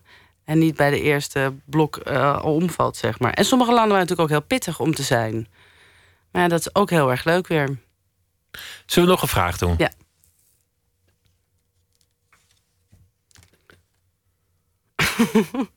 ben je het type van de harde breuk of vriendschap met je ex? Nee, vriendschap met je ex. Ja, lukt dat ook altijd? Nee, natuurlijk niet. Maar als je vraagt wat, wat, wat voor type ben je... Ik vind, het, ik vind het toch het leukst om iedereen gezellig in de buurt te houden. Is ook leuker natuurlijk. Ja. Ik denk toch, ja, dat is dan heel lullig dat het niet gewerkt heeft. Maar ergens was het ook ooit heel gezellig. Het werkt natuurlijk helemaal niet zo. Maar ja, ja ook met vriendschap en zo, breuk en zo, dat vind ik allemaal niet zo heel erg nodig. Dus je houdt niet van conflict. Nou, ik hou wel van, van dat je met elkaar in gesprek kunt gaan. Of dat je, dat je dat kan opzoeken. Maar ik ben niet iemand die zegt, oh, lekker schuren. Ik hou wel van passie en passievol met elkaar spreken. En daarin mag het best temperamentvol worden. Maar dat vind ik wel anders dan een soort cynisme van schuren of zo. Dat is een andere manier, als je daarop uit bent, dat is iets anders. Dus een conflict kan prima, maar daarna ga je de kroeg in... en dan ga je een biertje drinken. En dan komt het wel weer goed. Laten we nog een vraag eh, uitpikken. Wat was je bijbaan? Een hotdogkar die Twinkie heette. Echt waar? Ja. En, en- met, een, met een soort fietsconstructie erachter? Ja, zat een brommertje en daar zat dan zo'n klein huisje omheen. En dan waren de worsten, terwijl je dan door de stad heen reed... dan waren de worsten alvast aan het opwarmen. En dan kwam je aan op het Centraal Station of het Van Gogh Museum. En dan ging je worsten verkopen. Nou, is best leuk als, als het weer een beetje meewerkt. Ja, als je 16 bent, is dat fantastisch. Met een hotdogkraam door de stad. Had je er zelf wel eens een? Of, of wist je op een gegeven moment heel goed hoe het daar in die bak eraan toe ging? En dacht je, nou, die hoef ik niet meer. Nee, dat hing er ook vanaf of ik de dag ervoor gefeest had of niet. Maar ik heb behoorlijk wat hotdogs gegeten. Ja, En nu lus je ze niet meer. ik moet er niet aan denken. Ja. Laten we nog een vraag doen. Wat is je gemoedstoestand op dit moment? Nou, ik ben eigenlijk best wel. Ik kom nu net uit de voorstelling. De try-out. De try-out. En om al die jongens en meiden die daar staan zo bij elkaar te zien. Uit al die plekken waarvan ik weet wat ze allemaal hebben meegemaakt. En daar zo'n lol hebben zien staan. Daar ben ik best door geëmotioneerd. Voor jou een, een, eh, een bijzondere avond ja, dit. absoluut. En dan morgen de première. Ja. Dat lijkt me helemaal bijzonder. Want dan, dan heeft het toch ook die plechtigheid van nu moet het goed gaan. Ja, en ik heb absoluut het geloof dat het goed komt. Het is meer dat ik de groep heel erg gun dat ze er enorm van kunnen genieten. Een van de spelers die vertelde heel mooi vandaag, die vertelt zijn vlucht uit Irak. En die raakte mij heel erg, want die vertelde heel mooi. als ik daar dan... We hebben op een gegeven moment een scène... dan zie je ze met z'n allen lopen. Dat, dat is even een tragische scène. Dat gaat gewoon over het fenomeen vlucht. En dan hoor je al die voetstappen. En hij zei, ik realiseerde me ineens... dat ik eigenlijk nooit ben aangekomen. Dat ik eigenlijk nog steeds loop. En hij is hier al tien jaar. En daar was hij even heel erg door geraakt. En dat vond ik zo'n mooi beeld. Dus ik hoop vooral erg dat de groep morgen ontzettend trots is op wat ze staan te doen. Zijn, uh, zijn gezegde toch ergens ter wereld: het lichaam reist sneller dan de ziel. Oh ja, die is heel mooi, ja. ja. ja. Ik kan me dat wel voorstellen. We gaan nog één, uh, één vraag doen. Ja.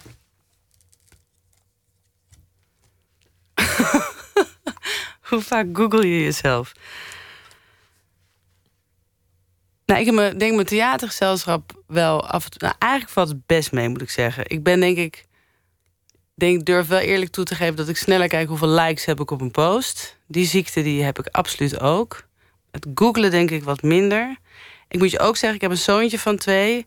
En op een gegeven moment kwam ik erachter dat ik meer op mijn telefoon zat... dan dat ik mijn geliefdes aanraakte. Dus toen hebben wij een nieuwe wet thuis gemaakt... dat als we thuis zijn, gaan telefoons uit. Dan knuffel ik meer dan dat ik mijn telefoon knuffel. Dus sindsdien is het denk ik allemaal wat minder geworden. Nou, dat is wel verstandig, want al die dingen zijn natuurlijk ontworpen om, om je aandacht te grijpen. Ja. De winnaar is degene die jouw aandacht het meest weet te gijzelen. Ja. En, en dat doet hij ten koste van alle andere dingen die je zou kunnen doen. Je geliefde, een boek, een film, een gedachte. Ja. Alles wordt gewoon gegijzeld en uiteindelijk met alleen maar materieel gewin voor ogen. Maar ook de aanraking zelf. Dus gewoon over wat je handen aanraken op een dag. En dat merk ik ook in mijn werk. Dan, ook als je in het land bent, je raakt mensen op, met, op verschillende manieren met handen aan. Je hebt verschillende aanrakingen. En als je op een gegeven moment de hele dag door alleen maar je telefoon aanraakt... dan raak je ook bijna niks meer anders aan dan dat. En dat heeft, krijgt ook een ander soort sensatie of zo. Dus uh, dankzij mijn kind denk ik dat ik daar toch wat uh, meer naar probeer te kijken. Vanaf morgen in het uh, Compagnie Theater uh, te zien... A Room with a View van uh, Theaterhotel Courage. Dankjewel Katrien van Beurden en heel veel succes en plezier. Dank Jij ook, bedankt. This is my story And it won't take long My name is Joanna And I have done wrong When I was a young girl, no more than thirteen. I killed me bad man for what he had seen. Lives out on the west coast, down by Coos Bay. My mama went working every night and day. The crocuses were blooming for to welcome the sun. The trailers ranged out along the old Highway 101. Now that year at the shipyards, the ironworks, they laid off all the night crews and sent them away. And this Donnie Dakota, yeah, from just down the way, getting drunk on a Sunday, yeah, down by the bay. Had a face like a dark cloud, and his voice like a storm. With no work at all, boys, yeah, he just stayed home. Yeah, he'd wander the trailer park where I lived. He'd bang on the walls just to scare all us kids. But one day I came out, and in the sunlight I stood and told him to fuck off, boy, like no one else would. He took a fistful of my hair, he dragged me around to the back of the trailer and held me down on the ground. And as he pulled my dress up, I could see the clouds overhead, so airy and bright as any thought in my head. All the crocus were blooming for to welcome the sun. And all the trailers lined up out on old Highway 101. That night as I lay in my bed wide awake, looking out of my window out over the bay. Well, I rose and I got my mama's gun from her drawer. She is sleeping so soundly as I walked out the door found Donnie Dakota from just down the way. Sleep in the tall grass down by the bay. Stars were all shining and the moon was so red. I shot him three times in the back of the head. Blitzen Trapper. Een uh, negende album is er, uh, Wild and Reckless. Ze komen uit Oregon en dit nummer heet uh, Johanna. Eén minuut, gemaakt door Bente Hamel. Deze heet Ezelsbruggetje. Pst, minuut. Ik heb acht kinderen, 17 kleinkinderen en 13 achterkleinkinderen. 17 mei is Rini jarig natuurlijk en Mark is jarig uit de Helder. Als er een nieuwe maand begint, dan denk ik, oh ja, die is jarig en die is jarig. Dus aan denken of een kaart sturen of je moet er naartoe. 21 mei natuurlijk, uh, Max, nee, Sam. Ik heb een, een kalendertje hangen in de wc, een verjaardagskalender. Ik kijk er niet eens op. Want zelfs de achterkleinkinderen weet ik wel hoor. Het zit gewoon nog in mijn gedachten allemaal. 22 mei Rita en 30 mei Jan. Het hoofdje is nog aardig goed. Ik hoop het nog lang zo te houden. Ik hoop niet in een uh, tehuis te komen. 28 mei. Uh... Nou kan ik niet zo gauw op die naam komen. Noah. Ik denk altijd aan de ark van Noah. Ezelbruggetje.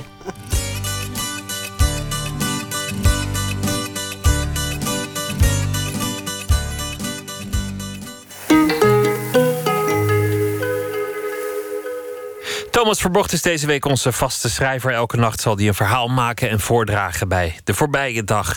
Thomas, goeienacht. Goeienacht, Pieter. Wat heeft je bezig gehouden vandaag? Uh, dit, ik zal het voorlezen. Uh, steeds vaker hoor je dat er in steden rampenoefeningen gehouden worden. Gisteren en vandaag in Amsterdam. Er werd een terroristische aanslag nagedaan om te zien of de hulpverleners en ook wij, angstige burgers, daarop adequaat kunnen reageren. Toen ik in de jaren 60 jong was en op school zat, gebeurde dat ook. En wij leerlingen waren min of meer verplicht daaraan mee te doen. Ik herinner me in ieder geval zo'n oefening. Het ging niet om een terroristische aanslag, want die bestond toen nog niet. Maar de Derde Wereldoorlog was uitgebroken. Op school kwam een team grimeurs en die brachten vreselijke verwondingen op je lichaam aan. Mijn been was op brute wijze gehavend en er stak een bot uit. En uiteraard was ik, was ik behoorlijk bebloed. Ook mijn klasgenoten oogden zwaar hulpbehoevend. Het was namiddag, een van de laatste dagen van de zomer. Er zat al wat herfst in de hemel. We werden in een bus naar het bos aan de rand van de stad gebracht. Daar moesten we in gaan liggen. Het liefst een beetje bij de paden vandaan. En als we dan hulpverleners hoorden aankomen, moesten we kreunen. Ik lag tussen de varens op natte grond. Ik kreeg daar een soort oergevoel en voelde me enorm met de aarde verbonden. Ik stelde me voor dat ik echt gewond was en hier mijn laatste adem zou uitblazen. Ik had wel eens gehoord dat je leven dan als een, als een film aan je voorbij schiet. Maar dat gebeurde niet.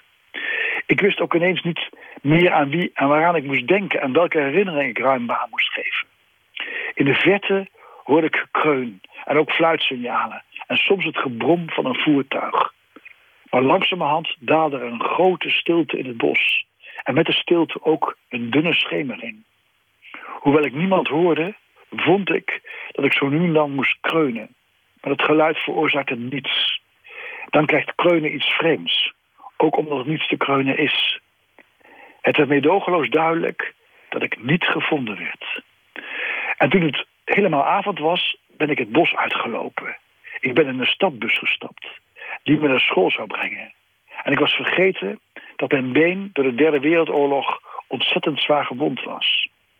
Ik zag passagiers geschrokken kijken. Om ze gerust te stellen bewoog ik me ontspannen en maakte zelfs dansende bewegingen. Maar dat maakte alles alleen nog maar erger. Ik las in de krant die reportage over de rampenoefening die, uh, die in Amsterdam plaatsvond. En een van de hulpverleners die, die vroeg aan een van de figuranten: Bent u nou dood of gewond? En toen liep de, de, de dode of gewonde liep gewoon verder, zonder antwoord te geven. Zie je, ja, kijk, ja dat, dat, dat recht heb je dan. Hè? Als, je dus, eh, als men niet weet of je dood of gewond bent. En, Ja. en- Pieter, terwijl ik dus aan het voorlezen was... toen dacht ik, ja, die, eh, dat, dat- eh, er waren ook vaste mensen die dit deden, hè? volgens mij. Dus zeg maar, eh, zeg maar vaste figuranten. En er was een naam voor, maar dat ben ik vergeten. Weet jij dat nog? Hoe, dat, hoe die mensen heten die dus bij, ramp, bij zogenaamde rampen ingezet werden? Nee, dat, dat weet ik niet. Dat, dat, Is dat een beroep? Kan je, kan je dat gewoon beroep, doen? Nee, ik Oh. nee, geen beroep. Meer een, een, een vrije tijdsbesteding. Maar dat was een, was een, was een, was dat een naam? Ik ben, maar ik ben het vergeten. Maakt niet uit. Maar daar kun je dan ook heel goed in zijn. Dat, dat, je, dan Ja, dat je heel goed bent in gewond kreunen. En dat je dan altijd gebeld wordt. Ja, en kijk, en bovendien misschien is het ook wel een, zoals het heet, een, een uitlaatklep.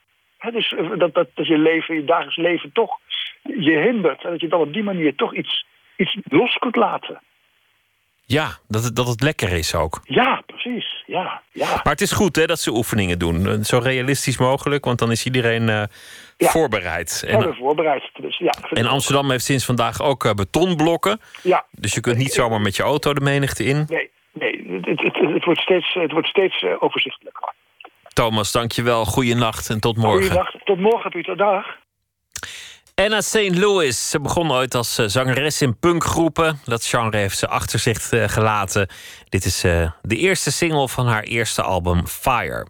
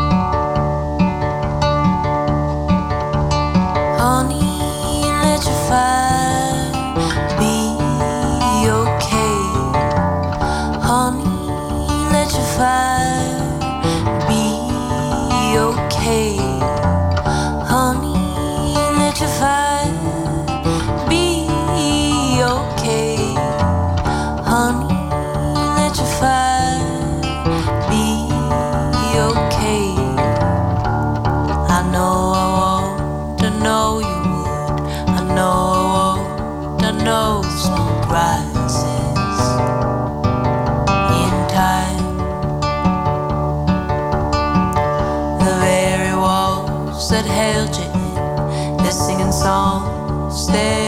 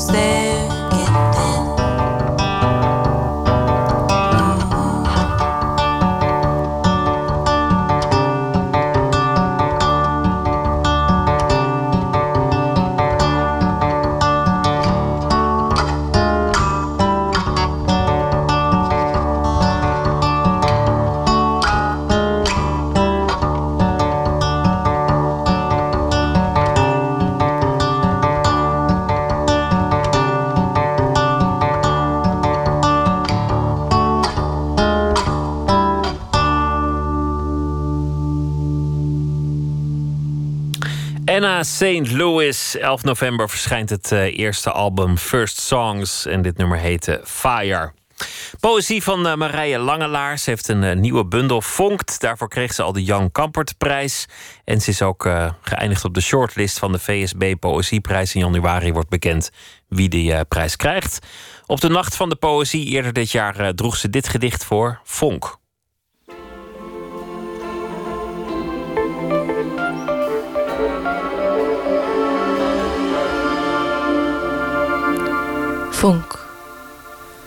En ze vroegen me terug voor dat radioprogramma. Ik weet nog steeds niet waarom, want ik had vooral gezwegen. Maar de presentator benadrukte dat men daar nood aan heeft vandaag de dag.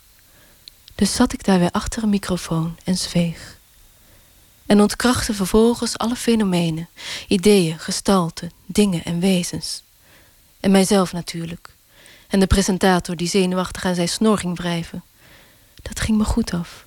Ik had mijn talent ontdekt. En vanuit het niets vertelde ik over het vonkje, klein en zoemend, waardoor ik voorzichtiger in de wereld, getallen, fenomenen, planeten, materialen en mensen ging geloven. Er zit een vonk in u. Jazeker, vonk in u. Want die vonk is in mij. Ik weet verder niets. Mijn denkkracht is nihil. Geen zicht, geen gehoor. Ik zwem in het niets. Maar ik weet, er is een vonk in deze tafel, deze lamp en in u, beste luisteraar. Ik was dusdanig op dreef dat mijn woorden vlam vatten. Er zit een vonk in u, beste presentator. Ik smeet het over de tafel. Hij werd zo bleek en ongemakkelijk dat ik mijn woordvoering staakte. Vlammend en trillend begaf ik mij naar huis, ging vlammend en trillend in mijn bed liggen, viel in een vlammend en trillende slaap, werd vlammend en trillend weer wakker. En schreef meteen bij het ontwaken een brief naar de krant, waarin ik mijn droom uitlegde. Alles moet vlam vatten, lieve mensen. En van geestdrift ging ik naar buiten op straat, de mensen de hand schudden, want stilzitten op een bankje in het park kon ik niet meer aan. Ik wilde alle mensen aanraken en bevestigen, er is een vonk in u schreeuwen. En zo slijt ik mijn dagen tegenwoordig. Ja, nogal een contrast met hoe ik ooit doof, blind, stom en leeg begon. Nu bedenk ik Hinkel en andere kinderspelletjes. En bij elke sprong op de stoep roep ik hard en eenvoudig. Vonk, vonk, nu. Ja, dit gedicht heb ik eigenlijk geschreven terwijl ik zelf zo'n beetje in brand stond. Het is ook in één ruk geschreven, achter elkaar, niks meer aan veranderd, kleine spelfouten eruit. Uh, omdat erin staat precies dat wat ik wil zeggen. Ja, het gaat over de vonk. En zo heb ik ook mijn nieuwe bundel genoemd. Vonkt. Vonk. En ze vroegen me terug voor dat radioprogramma. Ik weet nog steeds niet waarom, want ik had vooral gezwegen. Maar de presentator benadrukte dat men daar nood aan heeft vandaag de dag. Dus zat ik daar weer achter een microfoon en zweeg. En ontkrachtte vervolgens alle fenomenen, ideeën, gestalten, dingen en wezens. En mijzelf natuurlijk. En de presentator die zenuwachtig aan zijn snor ging wrijven. Dat ging me goed af. Ik had mijn talent ontdekt. En vanuit het niets vertelde ik over het vonkje, klein en zoemend, waardoor ik voorzichtig weer in de wereld, getallen, fenomenen, planeten, materialen en mensen ging geloven. Er zit een vonk in u. Jazeker, vonk in u. Want die vonk is in mij. Ik weet verder niets, mijn denkkracht is nihil. Geen zicht, geen gehoor, ik zwem in het niets. Maar ik weet, er is een vonk in deze tafel, deze lamp en in u, beste luisteraar. Ik was dusdanig op dreef dat mijn woorden vlam vatten. Er is een vonk in u, beste presentator. Ik smeet het over de tafel. Hij werd zo bleek en ongemakkelijk dat ik mijn woordvoering staakte. Vlammend en trillend begaf ik mij naar huis, ging vlammend en trillend in mijn bed liggen, viel in een vlammend en trillende slaap, werd vlammend en trillend weer wakker. En schreef meteen bij het ontwaken een brief naar de krant, waarin ik mijn droom uitlegde. Alles moet vlam vatten, lieve mensen. En van geestdrift ging naar buiten op straat de mensen de hand schudden, want stilzit op een bankje in het park kon ik niet meer aan. Ik wilde alle mensen aanraken en bevestigen. Er is een vonk in u schreeuwen. En zo slijt ik mijn dagen tegenwoordig. Ja, nogal een contrast met hoe ik ooit doof, blind, stom en leeg begon. Nu bedenk ik Hinkel en andere kinderspelletjes. En bij elke sprong op de stoep roep ik hard en eenvoudig: Vonk, vonk, nu. Marije Langelaar met het eh, gedicht Vonk. Morgen praat uh, Floortje Smit met Alex de Ronde, directeur van uh, bioscoop Het Ketelhuis in Amsterdam. Hij heeft een filmfestival voor doven. Van en over doven gaat het. Deaf in the Picture. Hij heeft zelf ook een dove zoon. En dat is meteen de hoofdpersoon in zijn regiedebuut, Doof Kind. De film gaat in première op het ITVA volgende week. Dat allemaal morgen in Nooit meer slapen. Zometeen kunt u luisteren naar De Nachtzuster met Ron Vergouwen. En ik wens u een hele goede nacht.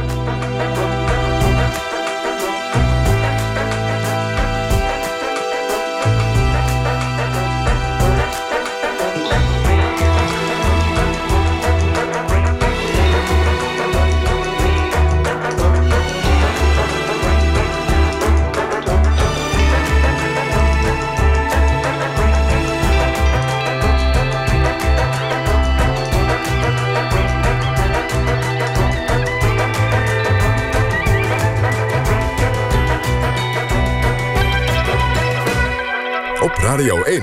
Het nieuws van alle kanten.